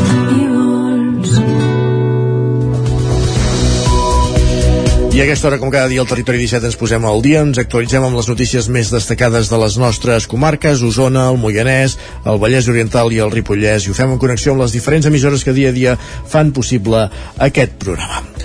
La commemoració del Dia Mundial de la Salut Mental a Osona aquest 2022 ha posat el focus especialment en la soledat no desitjada. Apareix especialment a l'adolescència i a la bellesa, però cada vegada més també en l'edat adulta. La soledat no desitjada té a veure amb les expectatives no complertes del suport emocional que esperem de l'entorn. Sergi Vives. Segons dades de la Creu Roja, entre les persones joves i la gent gran hi ha un 30% de casos de soledat no desitjada severa. L'adolescència i la bellesa són els dos moments vitals en què més apareix aquesta dissonància entre el suport emocional esperat eh, esperat de l'entorn i el que realment es percep. Hi ha diferències en els motius que poden fer aflorar el sentiment. En l'adolescència la desconnexió sol respondre a la descoberta d'un mateix i al trencament amb la família i en la bellesa pot tenir veure en el fi de l'etapa laboral, la pèrdua de capacitats físiques i mentals o la mort de persones properes. Però la soledat no desitjada es manifesta també en l'edat adulta. Ho ha explicat Laura Collplanes, doctora en Salut Pública i professora i investigadora de la UBIC. Per exemple, la soledat en la criança, la soledat en la parella, hi ha moltes soledats, jo diria més específiques, no? La soledat d'una persona directiva, la soledat d'afrontar problemes econòmics molt grans i no tenir qui t'ajuda i com sortir d'aquest forat. Hi ha moltes soledats també com vinculades a situacions vitals molt específiques de que vols més dels altres del, del que estàs rebent i té a veure doncs, amb, aquest, amb aquest patiment en lloc d'estar de, satisfet del suport que vols i que tens eh, trobar a faltar alguna cosa del teu voltant. La soledat no desitjada ha estat un dels eixos de la commemoració a Osona del Dia Mundial de la Salut Mental aquest 2022. Aquest sentiment pot tenir conseqüències en la salut mental o també en la física de qui el pateix i es relaciona amb un major risc de depressió, ansietat, intents de suïcidi o malalties cardiovasculars, entre d'altres. L'abordatge de la soledat no desitjada es pot fer des de teràpies individuals, però també des de processos més grupals. Laura Collplanes. Perquè hi ha des d'intervencions molt des de la psicologia més, de la, més des de la neuropsicologia entenent la soledat com un problema individual psicològic cognitiu i que es tracta de que la persona canvi de xip. Hi ha també molta intervenció grupal que és el que jo més m'he dedicat per crear com grups en què es puguin generar amistats, afinitats, participar en activitats i compartir aquest tipus de malestars. Laura Collplanes és una de les investigadores del projecte ResCovid-19 liderat per la Universitat de Vic i que avalua l'impacte de la pandèmia a les residències on els confinaments motivats pel virus s'han traduït en l'anomenada soledat en companyia. Segons Collplanes, cal situar com a prioritari l'acompanyament i el suport emocional i buscar les fórmules que permetin mantenir les persones connectades i comunicades malgrat la necessitat d'un aïllament físic. Més qüestions. Ripoll apuja l'IBI, la taxa d'escombraries un 4%, amb només el vot contrari de la CUP i de la redigidora no escrita i xenòfoba. Isaac Muntades des de la veu de Sant Joan. L'Ajuntament de Ripoll va aprovar les ordenances fiscals per l'exercici 2023 amb els únics vots a favor de Junts per Ripoll. Amb tot, els impostos i les taxes van rebre llum verda gràcies a l'abstenció d'Esquerra Republicana de Catalunya i al PSC. L'alternativa per Ripoll, CUP i la regidora no escrita Sílvia Oriols van votar-hi en contra. El regidor de Serveis Econòmics, Josep Maria Creixans, va explicar que enguany passaven les ordenances i el pressupost municipal al mateix dia perquè entrés en vigor l'1 de gener i perquè hi havia noves partides que condicionaven molt els comptes de l'Ajuntament. Tenim tres factors importants que afecten els pressupostos. Un, com saben, és eh, l'increment dels consums energètics que eh, de mitja s'han doblat. Un altre és l'increment de l'IPC que està al voltant del 10% i per últim també és l'aprovació en la llei de pressupost de l'Estat de la puja d'un 4% de tota la despesa de personal dels ens locals. Haguem decidit primer elaborar de forma eh, exhaustiva el pressupost, depurant totes les partides que fossin necessàries per intentar, com a màxim, minimitzar de tota manera l'increment en els impostos que tinguessin d'aplicar l'Ajuntament de Ripoll. Creixant sempre ha estat partidari de congelar els impostos, però aquesta vegada no era possible. És per això que pel 2023 l'IBI s'incrementarà en un 4,5%, però es bonificarà un 95% pels locals destinats a la difusió cultural, com els teatres, el cinema o una llibreria, a proposta de la CUP. També s'apujarà l'impost de construccions en un 4%, però es bonificaran un 50% si l'habitatge és per protecció oficial, també a petició de la CUP i d'Esquerra. El portaveu del PSC, Enric Pérez, entenia la puja moderada dels impostos perquè va dir que si la gent vol serveis públics dignes s'han de pagar. A més a més, estava d'acord amb la pujada de l'IBI. La puja de l'IBI, que al final doncs, també és un impost sobre béns immobles, que per tant aquells que disposen d'un immoble millor paguen més i els que el disposen, doncs, d'algun doncs, més, més auster doncs, paguen, paguen menys, per tant creiem que és prou, prou raonable per, per fer aquesta front doncs, en aquesta situació d'incerteses. La taxa al servei de recollida d'escombraries també s'augmenta en un 4% i la gent haurà de pagar 172 euros anuals pels residus als domicilis, uns diners que rebaixaran a 140 en el nivell 1 de reciclatge i a només 100 en el nivell 2. El porteu d'Esquerra Republicana, Roger Bosch, va agrair la dinàmica de mà estesa de creixants, però va dir que calia implementar la penalització de l'IBI a la gent en pisos buits i va tornar a carregar contra el model de residus. Però saben que és un concurs en el qual nosaltres no hi estem d'acord, que no és el mètode que nosaltres utilitzaríem, que no és la manera que ho faríem, i de fet el que veiem són els resultats d'aquest, no? en el qual el percentatge de reciclatge no augmenta com ens agradaria que augmentés, sí que augmenta el cost i una mica una situació, però sí que és cert que uh, aquest any tindrem un increment d'un 4%, quan havia d'haver estat d'un 9 i pico, segons els costos reals. De fet, el que fem és tirar la pilota endavant, perquè aquest diferencial ens l'empassarem el pròxim any. No? De fet, Oriols va votar en contra de les ordenances perquè creien que el poble estava ple de bosses d'escombraries, perquè hi falten contenidors i pensa que s'han de posar càmeres als punts de recollida per erradicar les conductes incíviques. El portaveu de l'alternativa per Ripoll CUP, Aitor Carmona, va justificar el bon negatiu de la seva formació perquè, tot i agrair la introducció de moltes propostes del seu grup, creien que no s'havia implementat la tarifació social. Malauradament no s'ha implementat com a tal, eh, com bueno, vam demanar una mica els resultats i els hem pogut saber ara a final d'any i bé, el cas és que ha tingut un, un impacte, no, no ha tingut cap tipus d'impacte. Llavors és, és una mica preocupant, és una aposta molt clara nostra per, per fer doncs, més progressius tots els impostos i preus públics. Creixants, que va agrair les abstencions d'Esquerra i la CUP, va contestar-li que es necessiten molts recursos per dur-la a terme i que hi ha 15 activitats amb tarifació social. Finalment, cal dir que aquelles persones que instal·lin energies renovables tindran bonificat un 50 i no un 30% com fins ara. Els consellers del Consistori Infantil de Vic han cedit el relleu als nous consellers d'aquest curs del 2022-23. Són 27 consellers infantils que representen els alumnes de sisè de primària de les escoles de la ciutat. Hauran de treballar durant el curs actual per potenciar el civisme. Sergi Vives. El nou consistori infantil de Vic es va constituir dilluns a la tarda a l'Ajuntament. 27 consellers i conselleres infantils treballaran durant el curs actual per potenciar el civisme a la ciutat amb l'objectiu de fomentar l'estima per la ciutat i els bons hàbits, tal com els va la regidora d'Educació, Elisabet Franquesa.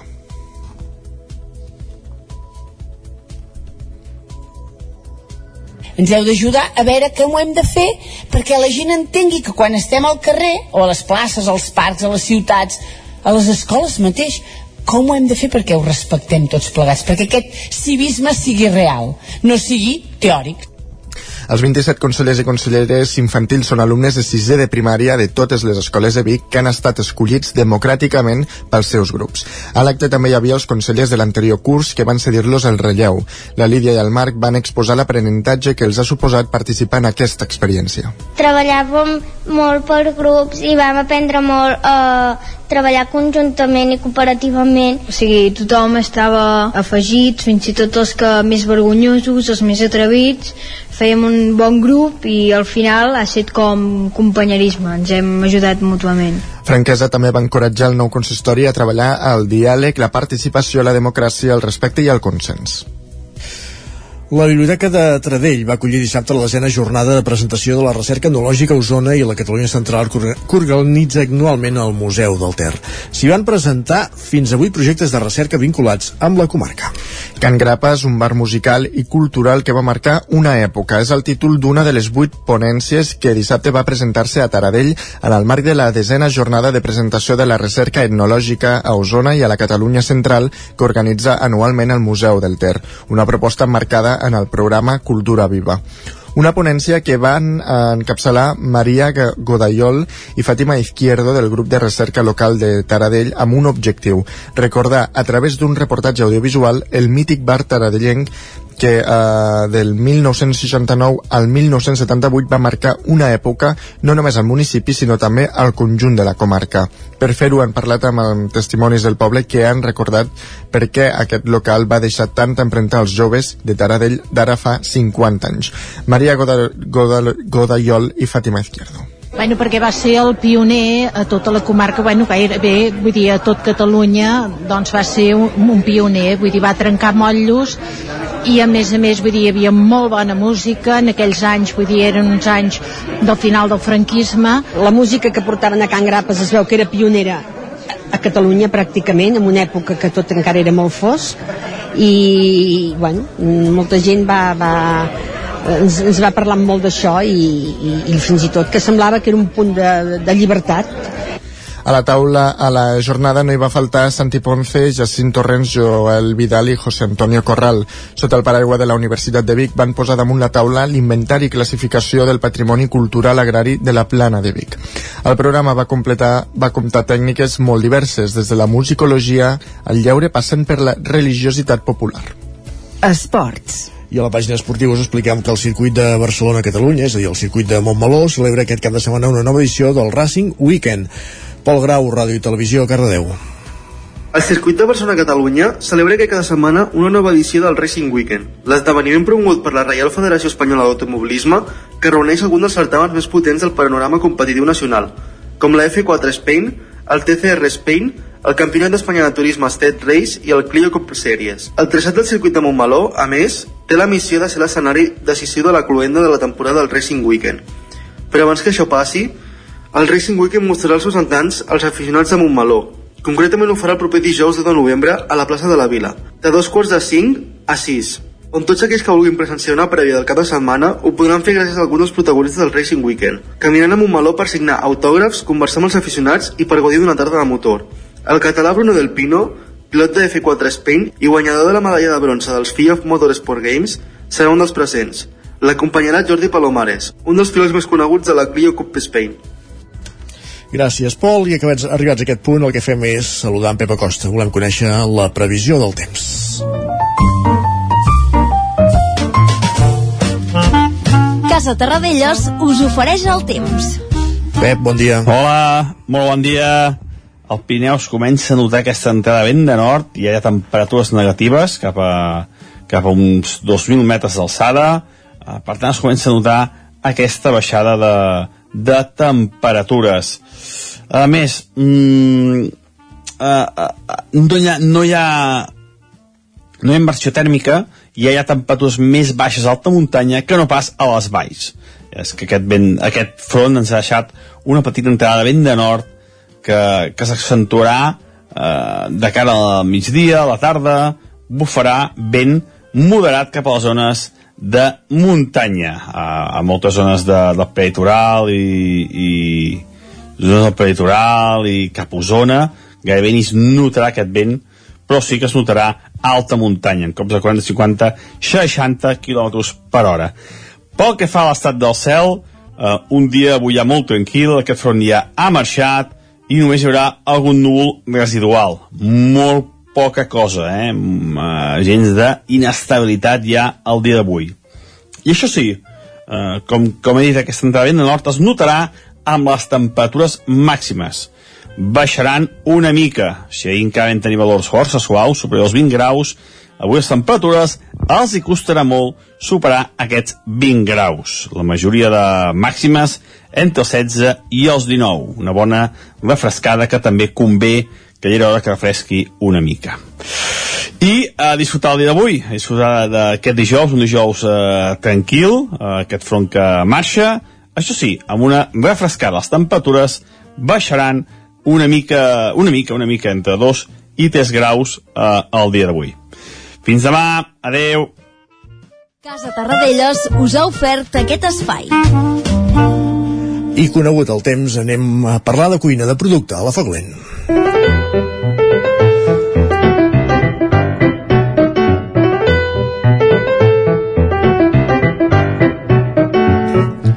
I com us dèiem a l'inici del programa, avui volem, volem parlar amb dues formatgeries d'Osona premiades als Premis World Cheese Awards la formageria Batara de Lluçanès, que és la que més premis ha rebut a Catalunya, i també Mas Algaret, de Tona. Comencem per aquí. També ha tornat amb medalles dels World Cheese Awards la formatgeria Mas Algaret de Tona i conversem amb el seu responsable, Lluís Mauri. Benvingut, bon dia. Bon dia. Aquest any una medalla de bronze i dues de plata. eh, per quins formatges? Uh, bé, aquest any la collita ha estat més petita que altres anys, però bueno, tot i així sempre, sempre és d'agrair i estem molt contents, no? Uh, hem fet dues plates, un pel formatge d'herbes, que és un, és un clàssic, i, i l'altre pel formatge madurat, que aquest és, és un formatge que també ens ha anat donant sempre molt, molts premis, i el bronze ha estat pel, pel formatge de pebre, que també és un, un altre clàssic de, de la formatgeria. Què suposa per una formatgeria obtenir aquest tipus de, de reconeixement? Perquè entenc que dins del món del formatge s'entén que els World Cheese Awards són els principals premis, no? El principal reconeixement que hi ha.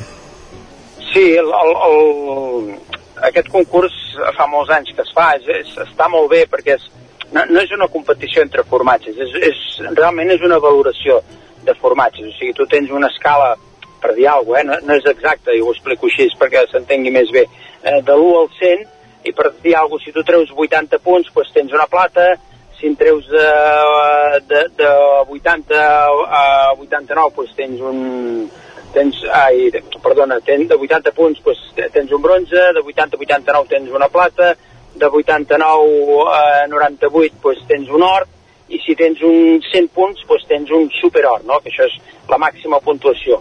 Llavors, d'aquest superor, en una mateixa categoria poden haver dos ors, tres ors, quatre, cinc, deu, vint, eh, els que faci falta. O sigui, és, et valoren el teu formatge, o sigui, te'l puntuen en funció, no és una competició entre formatges.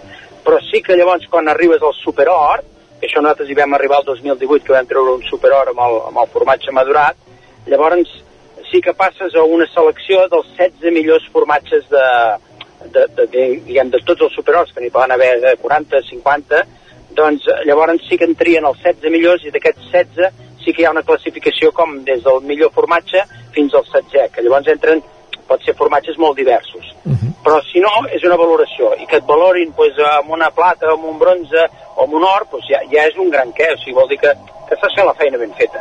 Mm, a vegades sona més bé la campana, a vegades son, sona menys, però bueno, ja nosaltres vam presentar cinc formatges, tres medalles, doncs per nosaltres és estar molt contents.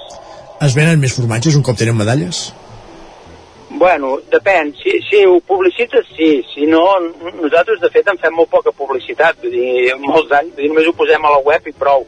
Hi ha formatgeries doncs, que bueno, ho posen en l'etiqueta, en fan molt ressò, eh, bueno, pots fer el que vulguis. Nosaltres, per exemple, el 2018, quan vam treure un superor i després va entrar dintre dels 16 millors i va ser el sisè millor del món, eh, no vam poder fer publicitat perquè pràcticament ja no ens quedaven formatges de la càmera Llavors, clar, formatgeries petites de vegades has de vigilar això, perquè si ho publicites molt i després no pots servir el client, llavors el client encara se t'enfada. Vull dir que a vegades no sempre és bo. Uh -huh. però, però bueno, a, a dintre nostre de saber que fas fer la feina ben feta, doncs això és, és, és, és el que més t'enriqueix, no? M més que no pas donar-ho donar, a conèixer. Al final, la valoració del client és si li agrada el formatge o no, que tingui més medalles o menys, eh, bueno, és, és, al final el client és el que tria, si li agrada o no li agrada.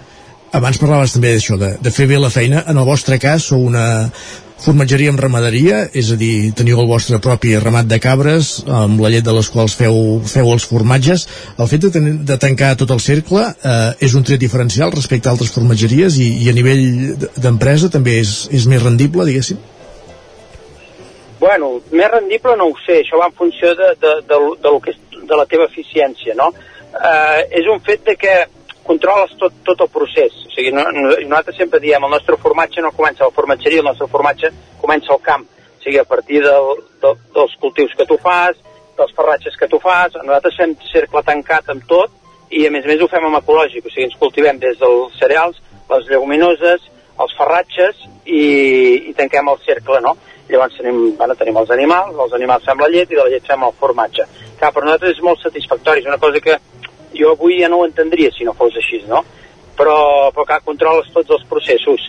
En anys com ara aquest, que és un any que ens plou molt poc, que hi ha molt poca pluja, la cosa és difícil, és, mm, perquè vull dir, la climatologia ens canvia, ens hem d'anar adaptant, eh, bueno, és, però bueno, més rentable, per exemple, amb ecològic, ara mateix, clar, no hi ha l'especulació, per exemple, de cereals en convencional, que, que, que, per què? Perquè els ecològics ja ens ho hem de fer tot, o sigui, no, no entrem a comprar o vendre en els mercats exteriors. Llavors avui una mica això ens està donant la raó, no? que el, el fet de, de ser autosuficient vol dir que ets molt més sostenible. Lluís Mauri de Maslagret, moltíssimes gràcies per aquest testimoni, una de les formatgeries usonenques, com dèiem, premiades als World Cheese Awards, però com dèiem, la que ha obtingut més premis, de fet la formatgeria més premiada de Catalunya és eh, Batara, de Lluçanès, tenim a l'altra banda del fil telefònic també el seu responsable, en Ramon Berengueres, benvingut, bon dia. Hola, bon dia. Primer de tot, felicitats per tot aquest reguitzell de medalles un any més. Moltes gràcies. Repassem, eh, com dèiem, la formatgeria catalana més premiada amb un superor, dos ors, una plata i dos bronzes. Ara conversàvem amb Lluís Mauri i en deia que, ens deia que la cirereta és poder aconseguir supers or, eh, aquest any n'has aconseguit un altre, tu Ramon. Sí, afortunadament hem de dir que aquest any n'hem tingut un altre, en tenim tres, uh -huh. amb, al llarg de tots aquests anys, i la, la curiositat és que afortunadament n'hem tingut un amb cada tipus de llet. Un amb vaca, un amb cabra i un amb ovella. La qual cosa doncs, et dona una satisfacció pensar que som capaços de fer igual de bé el formatge de vaca que el de cabra que el d'ovella. Descriu-nos una mica aquest, el formatge guanyador d'aquest superor i també els altres amb els que has aconseguit, com dèiem, dos ors, una plata i, i dos bronzes aquest any. Sí, jo crec que la, la, la virtut és fer-ho al màxim de natural, al màxim d'artesanal i no entrar en, en amb, tipus, amb un tipus de treball diguem, més, més, més industrial no? Uh -huh. eh, de fet si us fixeu en els World Cheese veureu que generalment la, els premis van destinats sobretot a gent que té un treball sobretot artesanal no un treball d'estil industrial per tant jo entenc que la gran virtut d'aquests premis és que acaba valorant la feina ben feta no? allò que dic sempre jo quan algú m'ho pregunta quina és la virtut? la feina ben feta no? Uh -huh. Vull dir que llavors jo crec que aquesta és la, la, la gran sort o la gran manera de treballar perquè perquè això surti doncs eh, o surtin els seus fruits, millor dit. Quin és aquest? El formatge eh, guanyador del Superor aquest any, quin és? El de vaca ecològic, que crec que encara té més eh, mèrit el fet de ser ecològic, no? Perquè és tan, tan... O sigui, és, és un mercat petit, encara que estigui a l'alça, uh -huh. però no deixa de ser un mercat petit, i aleshores, doncs, clar, són, són productes més minoritaris que no pas, que no pas els convencionals, no? Molt bé. Fa molt que el produïu, aquest formatge? Sí, sí, des de, és el primer formatge ecològic que vam fer a casa, deu fer el, el 2009, em sembla que és quan vam començar, si mal no recordo, uh -huh. a fer formatges ecològics, quan no en feia pràcticament ningú. Molt bé. Vam ser pioners eh, a Catalunya en aquest sentit en formatges madurats, eh? Hi havia llegurs, hi havia formatges frescos, uh -huh. però formatges madurats no n'hi havia. Ara sentíem, eh, abans de conversar amb tu, parlàvem amb, amb en Lluís Garet, que ens parlava de, sí. de, del cicle, en Lluís Mauri, perdó, Mas Garet, del seu sí, cicle sí, tancat. Eh, si no tenim malentès, que treballa amb cinc granges que li serveixen la llet, la principal mm. és la pròpia. En el vostre cas, eh, qui treballeu? Teniu, eh, teniu ramat propi també o com, com sí, funcioneu vosaltres? Sí, tenim un ramat propi d'ovelles. Ovella. Ovelles ecològiques que quan ens hi van posar només n'hi havia una altra en tot Catalunya. Uh mhm. -huh eh, això demostra una mica la, la, la, la dificultat a l'hora de fer de fer una o de, de posar una explotació agrícola ramadera per obtenir-ne la llet. Eh, vol dir que és clar si n'hi ha tan poques alguna cosa falla no? alguna cosa falla. Eh, bueno, en qualsevol cas doncs nosaltres eh, com deia bé eh, tenim una granja d'ovelles ecològiques i eh, la resta de llet la, la comprem en totes maneres, avui em sembla que ja puc dir um, una primícia, tindreu la sort de que us doni una primícia, doncs va. i és, el fet, i és el fet que, si Déu vol, a partir del gener tindrem una granja de cabres ecològiques. Aquí... Uh, per què? Per lo mateix que explicava en, en Lluís. Pel fet de que, clar, hi ha una escassetat important de llet, hi ha una necessitat, perquè el mercat demana, demana formatges, i, bueno, doncs, aleshores, al final, què has de fer? Ser-te tancat. Mm. Jo me lo guiso, jo me lo como, com diu la frase, no? I la tindreu al Lluçanès? De quants caps? No, la tindrem a la plana de Vic aquesta vegada. Molt bé. I amb quins caps preveieu, quants caps preveieu, preveieu treballar, caps so, de bestiar? Sobre els 300 caps de, de cabra, d'animals de, de, de cabres ecològiques en aquest cas. Realment el, el món de la llet de cabra eh, està creixent perquè no, no és la primera formatgeria que sento que, que tendeix cap a, que, que venint d'altres animals que tendeix cap a la cabra. Sí, perquè és clar, aquí hi ha demanda i al mateix temps que hi ha demanda hi ha escassetat. Vol dir que llavors és, és normal. Si molta gent del sector del porc s'ho va acabar fent ell mateix, el sector de la llet jo crec que hem arribat també al punt de que ens ho hem de fer tot, nosaltres mateixos. Abans ens deies que treballeu amb les llets de, de les tres varietats, cabra, vaca sí. i, i ovella. Quantes I referències... també, te- perdona'm, eh, que et talli, i també convencional i ecològic, eh? O sigui, en, Exacte. en realitat serien sis. Sis. I amb les, tre, amb les tres llets, entesos. Tres variants, sí. I no anava a dir quan, quina, quantes referències teniu ara mateix a la formatgeria? Mm, sobre les 30. Una trentena de, de referències. Déu-n'hi-do, mm. que són molts formatges que s'elaboren cada setmana. Sí, sí, sí, sí. Treballem, treballem tot el que podem i més. Perquè llavors, com, com, amb, amb tantes varietats, com es treballa? Diguéssim, una setmana se'n fan uns, l'altra uns altres, diguéssim, com, com, com s'organitza la no, cosa? perquè heu, heu d'entendre que els animals fan llet cada dia. Clar. Aleshores, si tu et compromets a quedar-te una llet, estàs obligat a quedar-te-la eh, Cada cada, dia. dia. Per tant, representa que cada setmana els has de fabricar tots sis. Uh -huh. Molt bé. Doncs, déu nhi uh, estem... I, I quin volum, amb quin volum de, de producte treballeu anualment, diguéssim?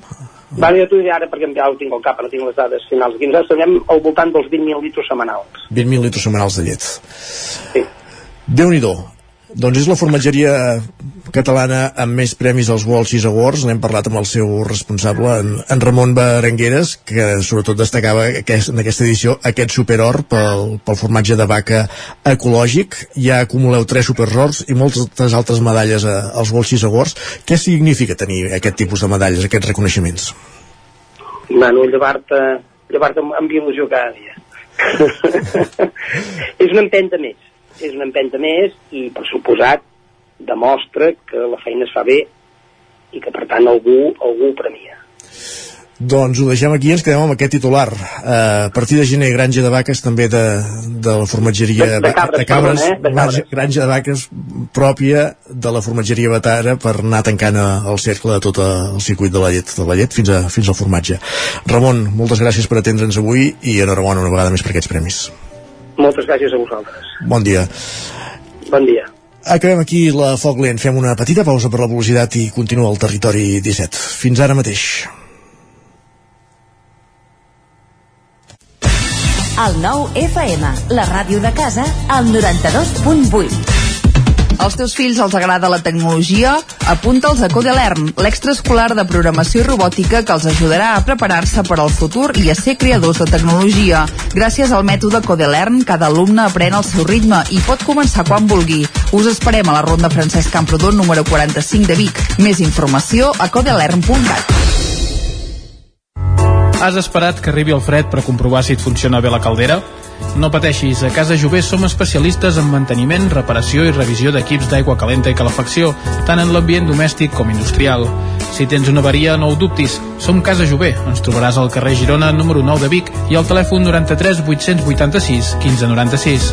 Casa Jové, el teu servei tècnic de confiança. Fa dos anys, el nostre món es va buidar i avui els plats de moltes famílies segueixen buits. Per això aquest any tornem a omplir-nos. Els dies 25 i 26 de novembre Suma't al voluntariat. omplim les caixes de solidaritat. Omplim el banc dels aliments.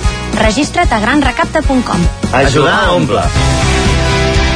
A la Piga descobriràs un nou centre de reforç escolar i anglès per tots els nivells i edats.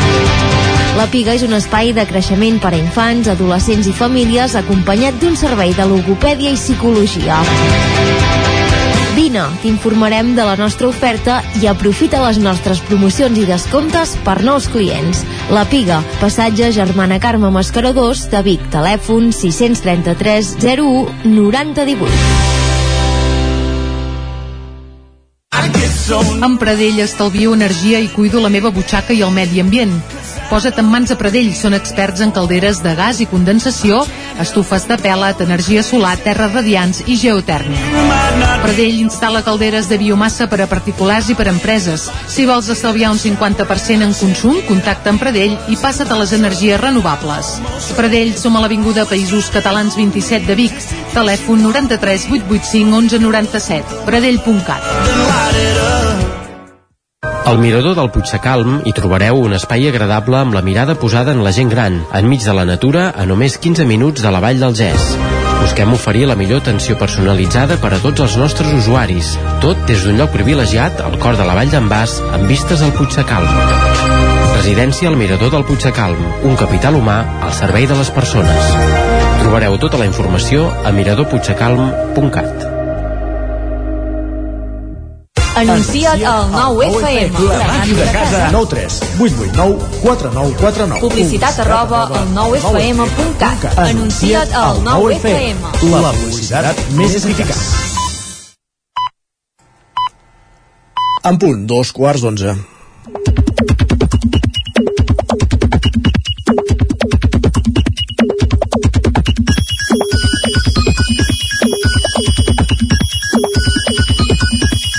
Dos quarts d'onze al territori 17 vol dir saludar un dia més eh, Guillem Sánchez. Benvingut, bon dia. Bon dia, bon dia Isaac. Com estàs?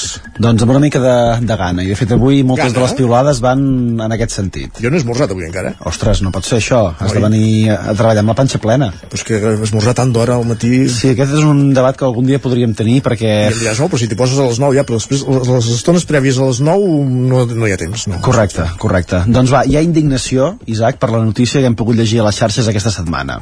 La notícia és dos panetones fets a Barcelona escollits els millors d'Espanya. Home, gravíssim, tenint en compte que a Osona hi ha llocs com eh, el Més Capà a Torelló o Can Carrià la Roda que fan els millors panetones del món mundial. Per exemple, va, reaccions com les de l'Andreu no s'han fet esperar, que ens diu estàs flipant que els més bons els fan al meu poble. Evidentment, és que és que, bueno... No, no, és que ja, ja t'ho he dit, és que no, no hi ha, però és que no, això no hi ha discussió, vull dir, no sé per què es fan aquests concursos, cada any amb en Seguri diem en Carriel, ja està, i punt. Els comentaris segueixen, per exemple, com el següent que ens diu els millors panetones són els dolents d'envàs i no els supercars i pijos de pastisseria i ningú em pot baixar del burro. Bé, aquí podria ser més discutible. Uh, Home, aquí és molt discutible. És molt discutible. Tot això també hi ha opinions de tot. Llegim a l'Anna que ens diu l'únic panetone que no és una porqueria infecta és el de panses. Dic, home, home... Però llavors has de mirar, mirar tota la varietat de panetones de panses. Bueno, jo hi ha d'haver xocolata sí o sí, perquè si no ja no, ja no m'acaba de convèncer. Eh? Tot i que val a dir que el dolç tradicional a casa nostra de Nadal és el torró, Correcte, correcte. I afegeix també l'Anna una segona reflexió que no pot aguantar més, que diu Porto molts anys callant, però s'ha acabat. No em silenciareu. El panetone de xocolata és un bollicao per adults. Aquesta no l'havia sentit mai i, i mira. Doncs ara, ara un bollicau, ara fa molts anys que no veig un bollicau. Eh? Existeixen encara? Suposo, no. Alguns pot enviar alguna fotografia de si en algun lloc hi ha algun bollicao per poder... Jo fa molts anys també que no, que no en veig. Va, parlant de menjar, la Marta... Era una estafa, perquè hi havia mig panet sense xocolata. Era, Bueno, uh, ho acabava sempre els, per als cromos també que sortien, Sí, o per als tatuatges, sí, o, per, o per aquelles coses, per aquells regals que feien.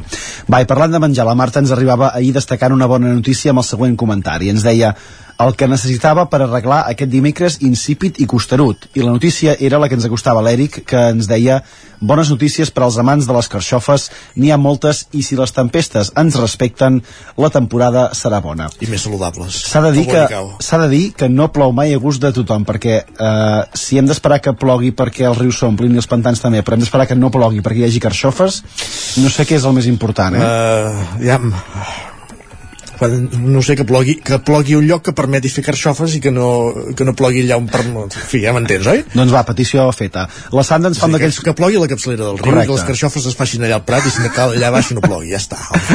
En aquest sentit, la Sandra ens fa un d'aquells comentaris que hauria de ser sagrat. Ens diu, suposo que en tens guardada la ració de truita de carxofa en aquell raconet de la nevera. I que bé que es posa, quan arribes a casa veus un plat allò petit amb un quart de, de truita de, de carxofes per, per acabar de fer, de fer la gana. Un plat de, de, de truita de carxofa o del que sigui. O del que sigui. En Jan per això encara hi dona una volta més. Ens diu, avui t'ha estat carxofa encurtida. Diu, no esteu preparats. Encurtida? No, no, jo sabia el concepte esferificat fins ara, però ara ja... Doncs mira, es veu que també hi ha carxofa Em encurtida. sona la pell, però vaja. Les carxofes doncs es pot dir que són un aliment top, com també és de primer nivell la situació que ens escriu en Xevi. A veure si ja estàs d'acord, Ja, Isaac. som Diu, res no m'ha donat fins ara tanta sensació de lideratge com ser el primer de la cua en un semàfor. Tens la sensació de pilot de Fórmula 1, eh? Allò amb... De fet, s'ha de dir que... Cert, ara que dius això. Digues. Una salutació al Fittipaldi, que m'ha avançat de marxes forçades aquest matí sortint de roda i ha arribat a Vic just davant meu. Uh, a quina velocitat calcules més o no ho menys? que sé, no, però avançar? clar, és que m'ha hagut d'avançar i frenar de cop perquè els cotxes de davant estaven frenats, perquè un trencava. Vull dir que ha estat una maniobra, saps allò d'aplaudiment? Inútil, inútil directe. Totalment. Això m'encanta, eh, que quedin frenats davant teu és el millor que, que pot passar. Va, per acabar la secció, dues reflexions interessants. La primera, la de l'Edgar, que ahir ja ens avançava també alguna cosa en aquest sentit. Ens diu, un mes i mig d'aturada de la Lliga amb l'Espanyol i el Sevilla en descens. Només demano això. Això per una banda. I es, farà molt llarg aquestes Es farà posicions de descens de l'Espanyol. Doncs. I la segona de reconèixer que m'ha fet molta gràcia. Ens escriuen per què no tinc cap tatuatge? Diu, heu vist mai un Ferrari amb enganxines? Doncs no. Mm, bueno, algun No, friqui sí. haver-hi, eh, segurament, però vaja. Si més no, l'autoestima d'aquest usuari està, està Ser, per ser ric no vol dir no ser friqui. Correcte. L'autoestima d'aquest usuari està per als, per als núvols, doncs. Molt bé, gràcies, Guillem. Ens escoltem dilluns. Bon cap de setmana. Doncs. Que vagi molt bé. Va. I nosaltres el que fem ara, tot seguit, és anar al cinema. Territori 17. Envia'ns les teves notes de veu per WhatsApp al 646 079 023. 646 079 023. WhatsApp Territori 17.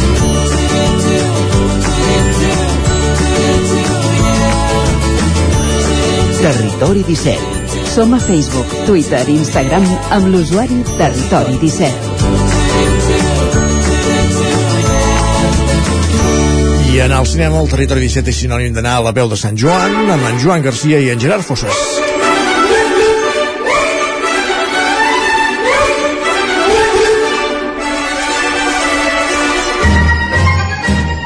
I una setmana més, moment de parlar amb en Gerard Fosses per saber què és el que fan als nostres cinemes. Hola Gerard, Hola, què tal? com va això? Doncs molt bé, uh, una mica cansat encara de passar el primer cap de setmana del Festival de Torres Molins, que, que ja en parlarem, mm. i també una mica pensant en una previsió, perquè he començat a veure les pel·lícules que tenim ara en cartellera, i la majoria són bastant llargues, o sigui, estem parlant de sessions llargues de, de cinema per aquest cap de setmana. Ah, sí? Sí, sí. Molt bé, de fet eh, veig que hi ha un blockbuster, no? Hi ha, hi ha Marvel, per tant Sí. que que, que, hi ha, Sí. que, hi ha, que com a mínim hi ha alguna d'aquestes que, que, que ens sentíem a parlar perquè sí, efectivament. Mm. Digues, digues. no dic que quan Marvel fa una pel·lícula sempre se'n parla sigui més bona o més Sí. dolenta Bueno, i, i s'omplen les sales també, que al final exacte. sempre fa goig això. exacte Però no començarem per Marvel, per això. no, no, no, sembla bé. no, no, tu mateix Sí, anem, anem de cara a barraca perquè aquí presentem una de les que segurament és una de les pel·lícules de, de l'any. Va passar per Sant Sebastià, va passar per Sitges i ara arriba a les nostres cartelleres doncs, la nova pel·lícula de Rodrigo Sorogoyen que es titula Asbestas. ¿Tú por qué no firmaste? Dime con el corazón en la mano, ¿por qué no firmaste? Esta es mi casa.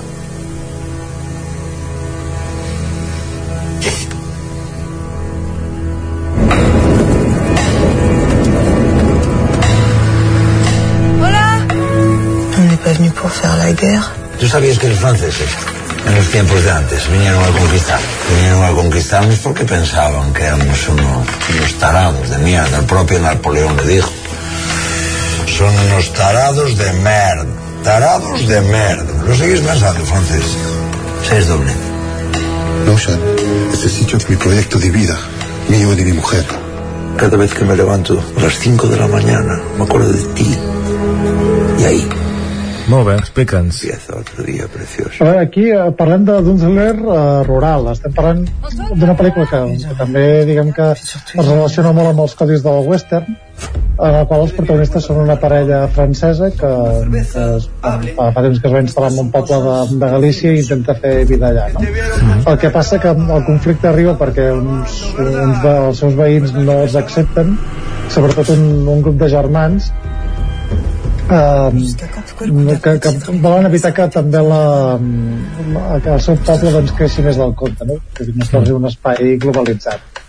I diguem que des d'aquest punt de partida, de, del punt aquest rural, d'aquest punt de racisme també, de, bueno, tot, tot, tots aquests coses que solen passar amb el western, no? quan arriba un foraster a un poble, mm. Doncs serveixen per construir una, una pel·lícula amb un, amb un gran discurs social, però sobretot que, que analitza la, la foscor de l'ànima humana, no? que al final és la gran, um, la gran qualitat del cinema de Sorogoyen, um, responsable de thrillers com, com El Reino, com Que Dios nos perdone, que són eh, d'aquestes pel·lícules tan intenses i tan contundents, i en aquest cas això torna diguem, amb la seva pel·lícula eh, més ambiciosa, més gran també a nivell de, de producció i, i, sen- i sens dubte de, de les que més en profunditat indaga sobre, sobre aquest tema.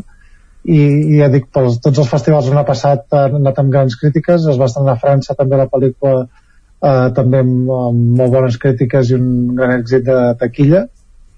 I sens dubte serà un dels grans títols d'aquest de, de, any del, del cinema espanyol. Mm -hmm, molt bé, de fet eh, ja parla eh, del, tràiler a l'inici les lletres que surten com per donar valor a la pel·lícula que no sé quants espectadors a França vull dir que ja s'ha ja s'ha ja s'ha projectat Exacte. Mm -hmm. Sí, sí, i, i no confondre amb les comèdies franceses que venen amb un milió d'espectadors, eh? Que exacte, exacte. Mil, eh, I no és una comèdia. Aquesta no és la comèdia de l'any, ni és una comèdia. sí, exacte. Molt I bé. és, és una pel·lícula llarga, dura això, dues horetes i vint, però, però bé, són d'aquestes que, que, que se t'encongeix l'estómac i estàs allà i, amb tota la intensitat del món i et passa volant, eh? Realment. Molt bé. Canviem radicalment d'estil i anem a la segona proposta de la setmana, ara sí, Marvel, Sí, anem a per Marvel, que, que de fet eh, me n'he enterat avui justament, que és la pel·lícula que posa fi a la fase 4. Eh, no sé si els fans de Marvel, fins i tot els més, eh, els més afèrrims, no sé si saben exactament en què consistit aquesta fase 4 de Marvel, que em sembla que, que va començar just després de Endgame. Però vaja, tenien aquestes línies temàtiques i en aquesta no se sap molt ben bé eh, què ha set. Però vaja, la qüestió és que ens acomiadem entre cometes de, de, de Marvel i de la fase 4 amb Black Panther Wakanda Forever. Solo aquellos que más han sufrido.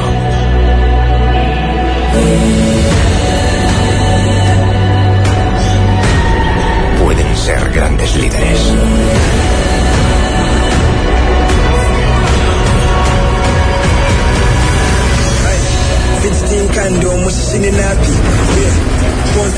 De fet, eh, interessant d'aquesta pel·lícula és que eh, una cosa que va passar a la vida real ho han hagut de, de posar a, a dintre del, de, del, del guió, no?, d'aquesta pel·lícula. Sí, sí.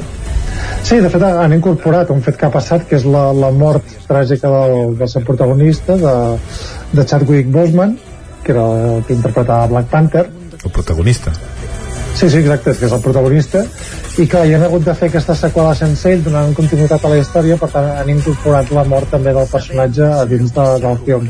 I de fet és és una de les parts interessants perquè més enllà de ser això, una gran epopeia d'aventures um, la pel·lícula anterior de Black Panther tenia un fort component racial i polític no? òbviament des d'un punt de vista corporatiu al final això de, de quedar bé amb els valors actuals però que va funcionar bastant bé en aquest cas això, de fet el context de la pel·lícula són els problemes eh, polítics que té Wakanda arran de la mort del seu rei no? i com en aquest cas un grup de protagonistes fe femenines doncs intenta com gestionar tota la història doncs, per, per reivindicar aquest poder de, del seu regne que és com el més avançat i més ric tecnològicament del món i, i és una mica i alhora hi ha aquesta part del dol per la mort de, del darrer T'Challa, que és el que és interpretat per, per Chadwick Boseman. No? Diguem, aquesta és la part més interessant. Llavors, òbviament, ja entra tot el tema de, de l'acció, la rivalitat amb un altre regne, en aquest cas un regne, un regne subaquàtic, i, òbviament, tota la part del cinema d'aventures i d'acció habitual. Ja et dic, el més interessant és, sobretot, eh, com aquesta, la pel·lícula es tenyeix d'aquest dolor que no, no és impostat, perquè al final el Chadwick Boseman era un actor estimat, era jove, una persona de l'equip i òbviament tot això es trasllada també al film no? i és la part que li dona molt aquesta naturalitat i que veus que tots aquests temes que tracten no són de manera impostada fins i tot els temes racials eh? tot i que, que sigui això tan, tan corporatiu i tan correcte tot mm. hi ha una certa ira allà i una certa reivindicació doncs, que, que funcionen molt bé el que passa que llavors la pel·lícula d'aventures torna a ser un estàndard i a més a més a vegades contradictori perquè bona part de la pel·lícula parla de que um, aquest personatge és insubstituïble i al final el que fan és substituir-lo no? perquè mm. ha de continuar generant diners, això. No, és que de fet, de fet a, a, en part, perdona, eh, però jo que vaig, vaig veure la primera de Black Panther i, i de fet a, a, la, a la primera pel·lícula a ell ja el donen per mort perquè per un combat i, i, i escullen o, o, o, o s'erigeix un altre Black Panther vull dir que no, no, sí, és, no és una persona en concret sinó que és, una, és com un càrrec no? Sí, exacte. Per passar aquí, òbviament, hi ha el, discurs incorporat de tots aquests fets mm. passats a la vida real i el punt de, de dol és el, el, el, mm. és normal el que passa que clar, no té res a veure amb com es tracta argumentalment en una pel·lícula que ja s'ha fet anteriorment mm -hmm. Aquí, òbviament la vida real doncs afecta la, a la continuïtat com, com ha passat tota la vida per acabar molt bé doncs ja ho tenim uh, mm, Black, Black Panther, Panther aquestes ho estem dient però es podran veure aquests escenes a l'Ocina aquests Nollers al Sucre de Vic també ah, totes eh? Mm -hmm. sí, sí molt bé, i la tercera? La tercera és uh, arqueologia. Ah. Aquí tornem, recuperem la secció d'arqueologia. Uh, però és una pel·lícula que volia destacar perquè es va projectar a Vic, concretament a la clausura del, del Festival Protesta, i, i també es va projectar al Festival de Cans a secció oficial. És una pel·lícula important de, de dos directors que fan un cinema social molt potent, que són els germans d'Ardent, i que van començar a fer cine bastant grans ja, de fet i que ara, ara tornem a una pel·lícula que, que tracta el, el tema racial com poques vegades s'ha tractat, que és Tori i Lokita. Lokita, réveille-toi. Lokita. Oui, j'arrive C'est sûr que vous ne voulez pas manger avant de partir Bon, ça va. Toi, retour avant deux heures. Oui, oui. Tu as dit que c'était dans cette école que tu avais rencontré ton petit frère. Oui. Il a été abandonné à sa naissance, tu l'avais jamais vu. Comment as-tu su que c'était lui Je vous jure que... Molt bé, que jo tinc els subtítols però la gent no. Sí. Bé, aquesta història és la història de dos germans, entre cometes, perquè són un nen i una nena que es coneixen eh, això, en una patera mentre estaven això, viatjant per arribar a Europa i decideixen fer-se passar com a, com a germans. Que passa que el, el nen sí que li poden donar la ciutadania, a la nena no. Uh -huh. um, i clar, doncs, és com una mica la, la història que tenen ells per intentar aconseguir diners, doncs, per aconseguir la documentació, etc etc encara que sigui falsa. I, I aquesta història, que comença d'aquesta manera tan, tan humanista, tan natural, doncs es va convertir en un thriller que, que mostra el, el costat més fosc de, del tema de la immigració.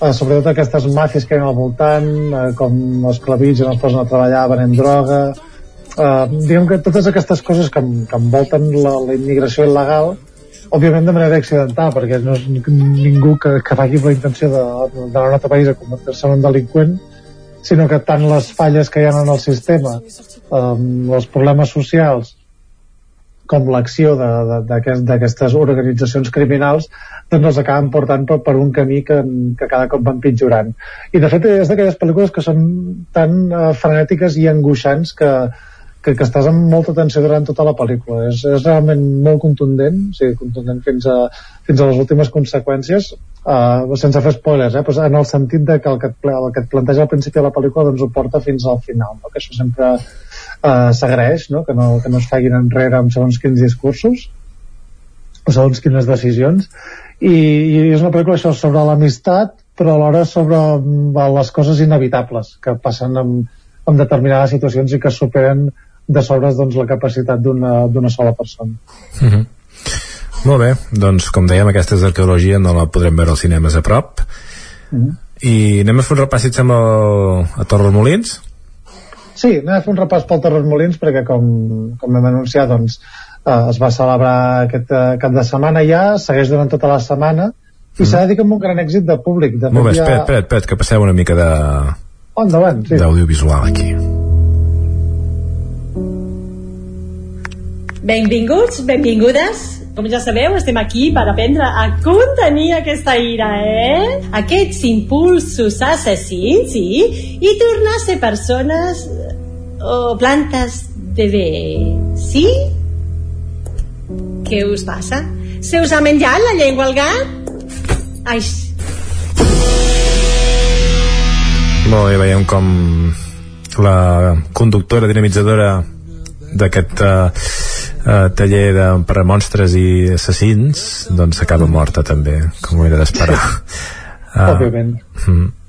explica'ns molt públic Bé, aquest, sí, aquest any això dedicat al, al, al, perdó, a la pel·lícula musical de terror no? aquest subgènere tan, tan estrany uh, doncs això, que, que s'ha traduït amb un gran èxit de, de públic de fet, ah, sí, de fet perdona, perdona, deixa'm, deixa'm escoltar mica, ja. mentre se t'esmolen les dents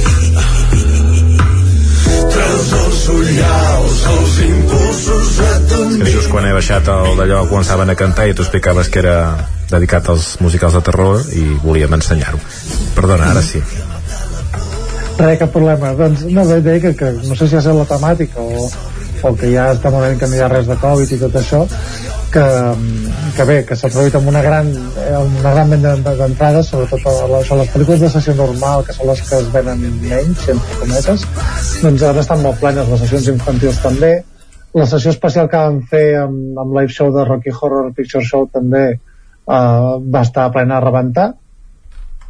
I això, han vengut ja més entrades que, que l'any passat Uh, de fet, d'aquest cap de setmana ens quedem amb això, amb la representació del, del Rocky Horror, amb la projecció de la pel·lícula i animació durant la pel·lícula, i, i, i aquests fets doncs, que fan que aquest festival sigui una mica especial tant el fet dedicat als infants tant amb els tallers de cinema eh, eh, records de lectura pels més petits les projeccions de curs molt ben cuidades per fer una programació adequada a aquestes edats però sense sortir de la temàtica del terror i també un, un diumenge pràcticament dedicat al, al cinema català primer una xerrada de, de festivals de, de fantàstic de, de Catalunya que repassava l'estat de, dels festivals i llavors la, la projecció dels curs de la secció C trencada que són curs eh, produïts i parlats en català i la projecció també de la pel·lícula de Maria també de, de producció catalana que era estrena El terror Molins mm.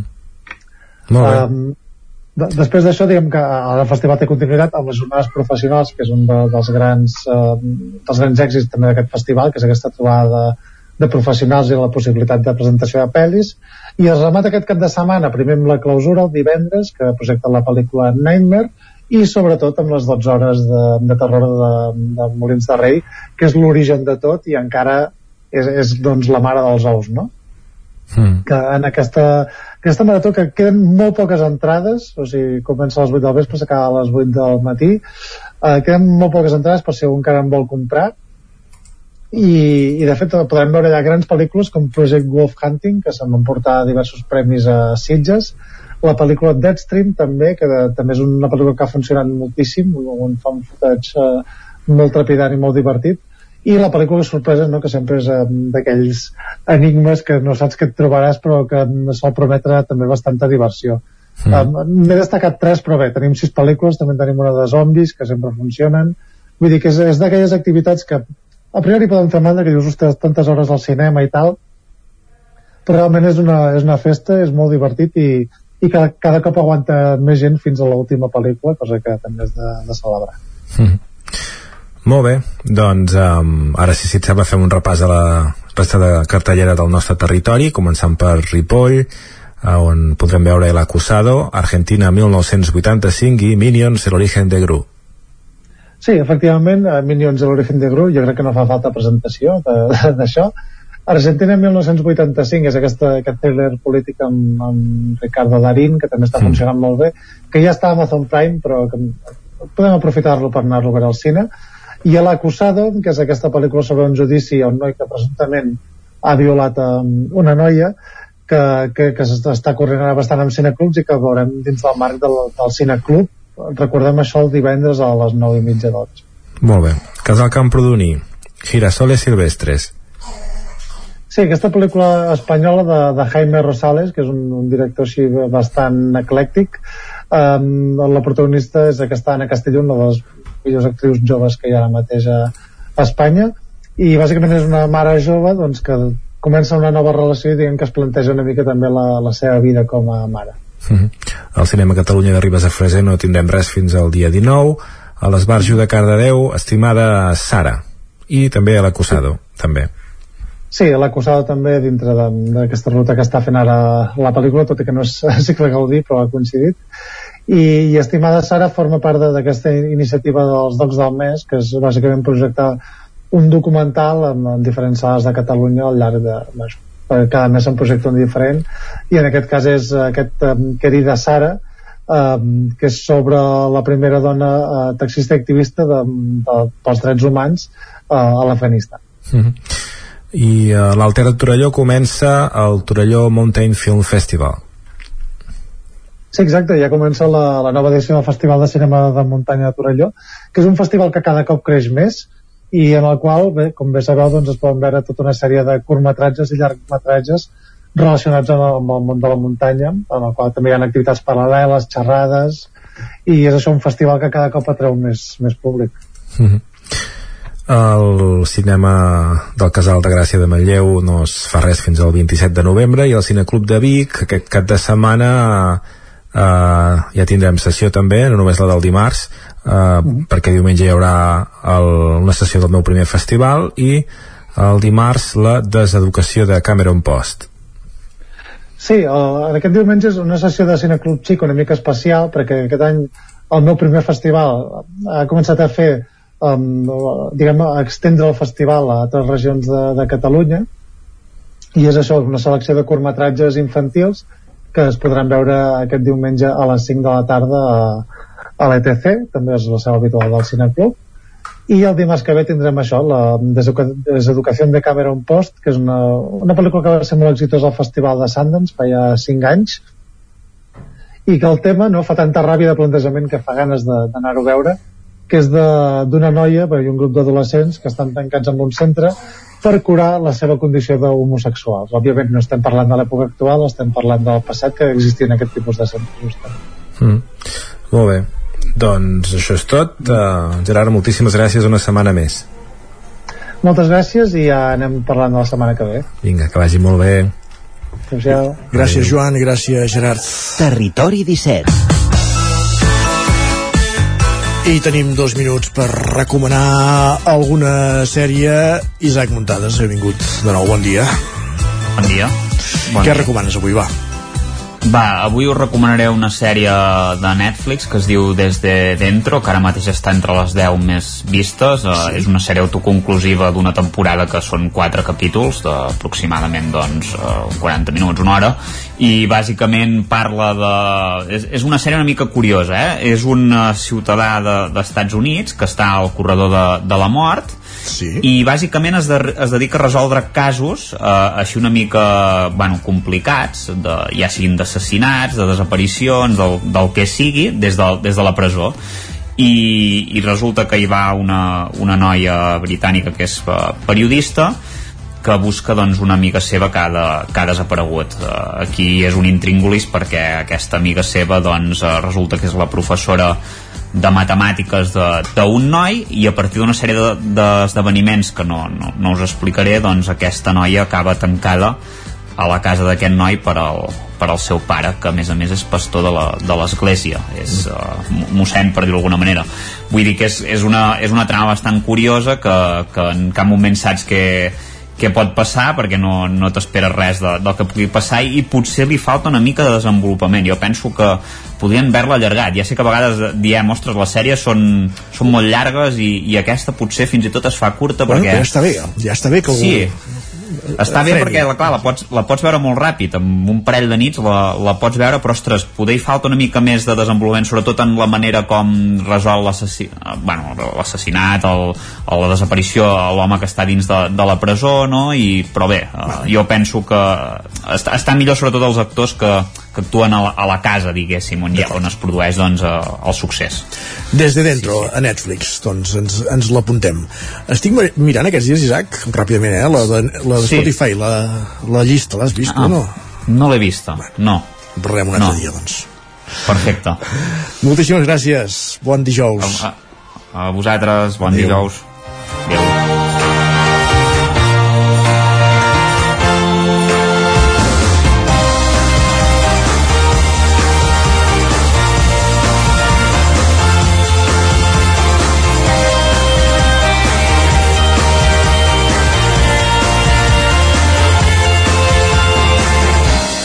I arribem al final del territori 17 d'aquest dijous 10 de novembre de 2022 un programa eh, tapaït hem parlat de moltes qüestions i arriba a la seva fi us hem acompanyat des de les 9 Maria López, Pepa Costa, Caral Campàs, Pol Grau eh, Guillem Sánchez Isaac Muntades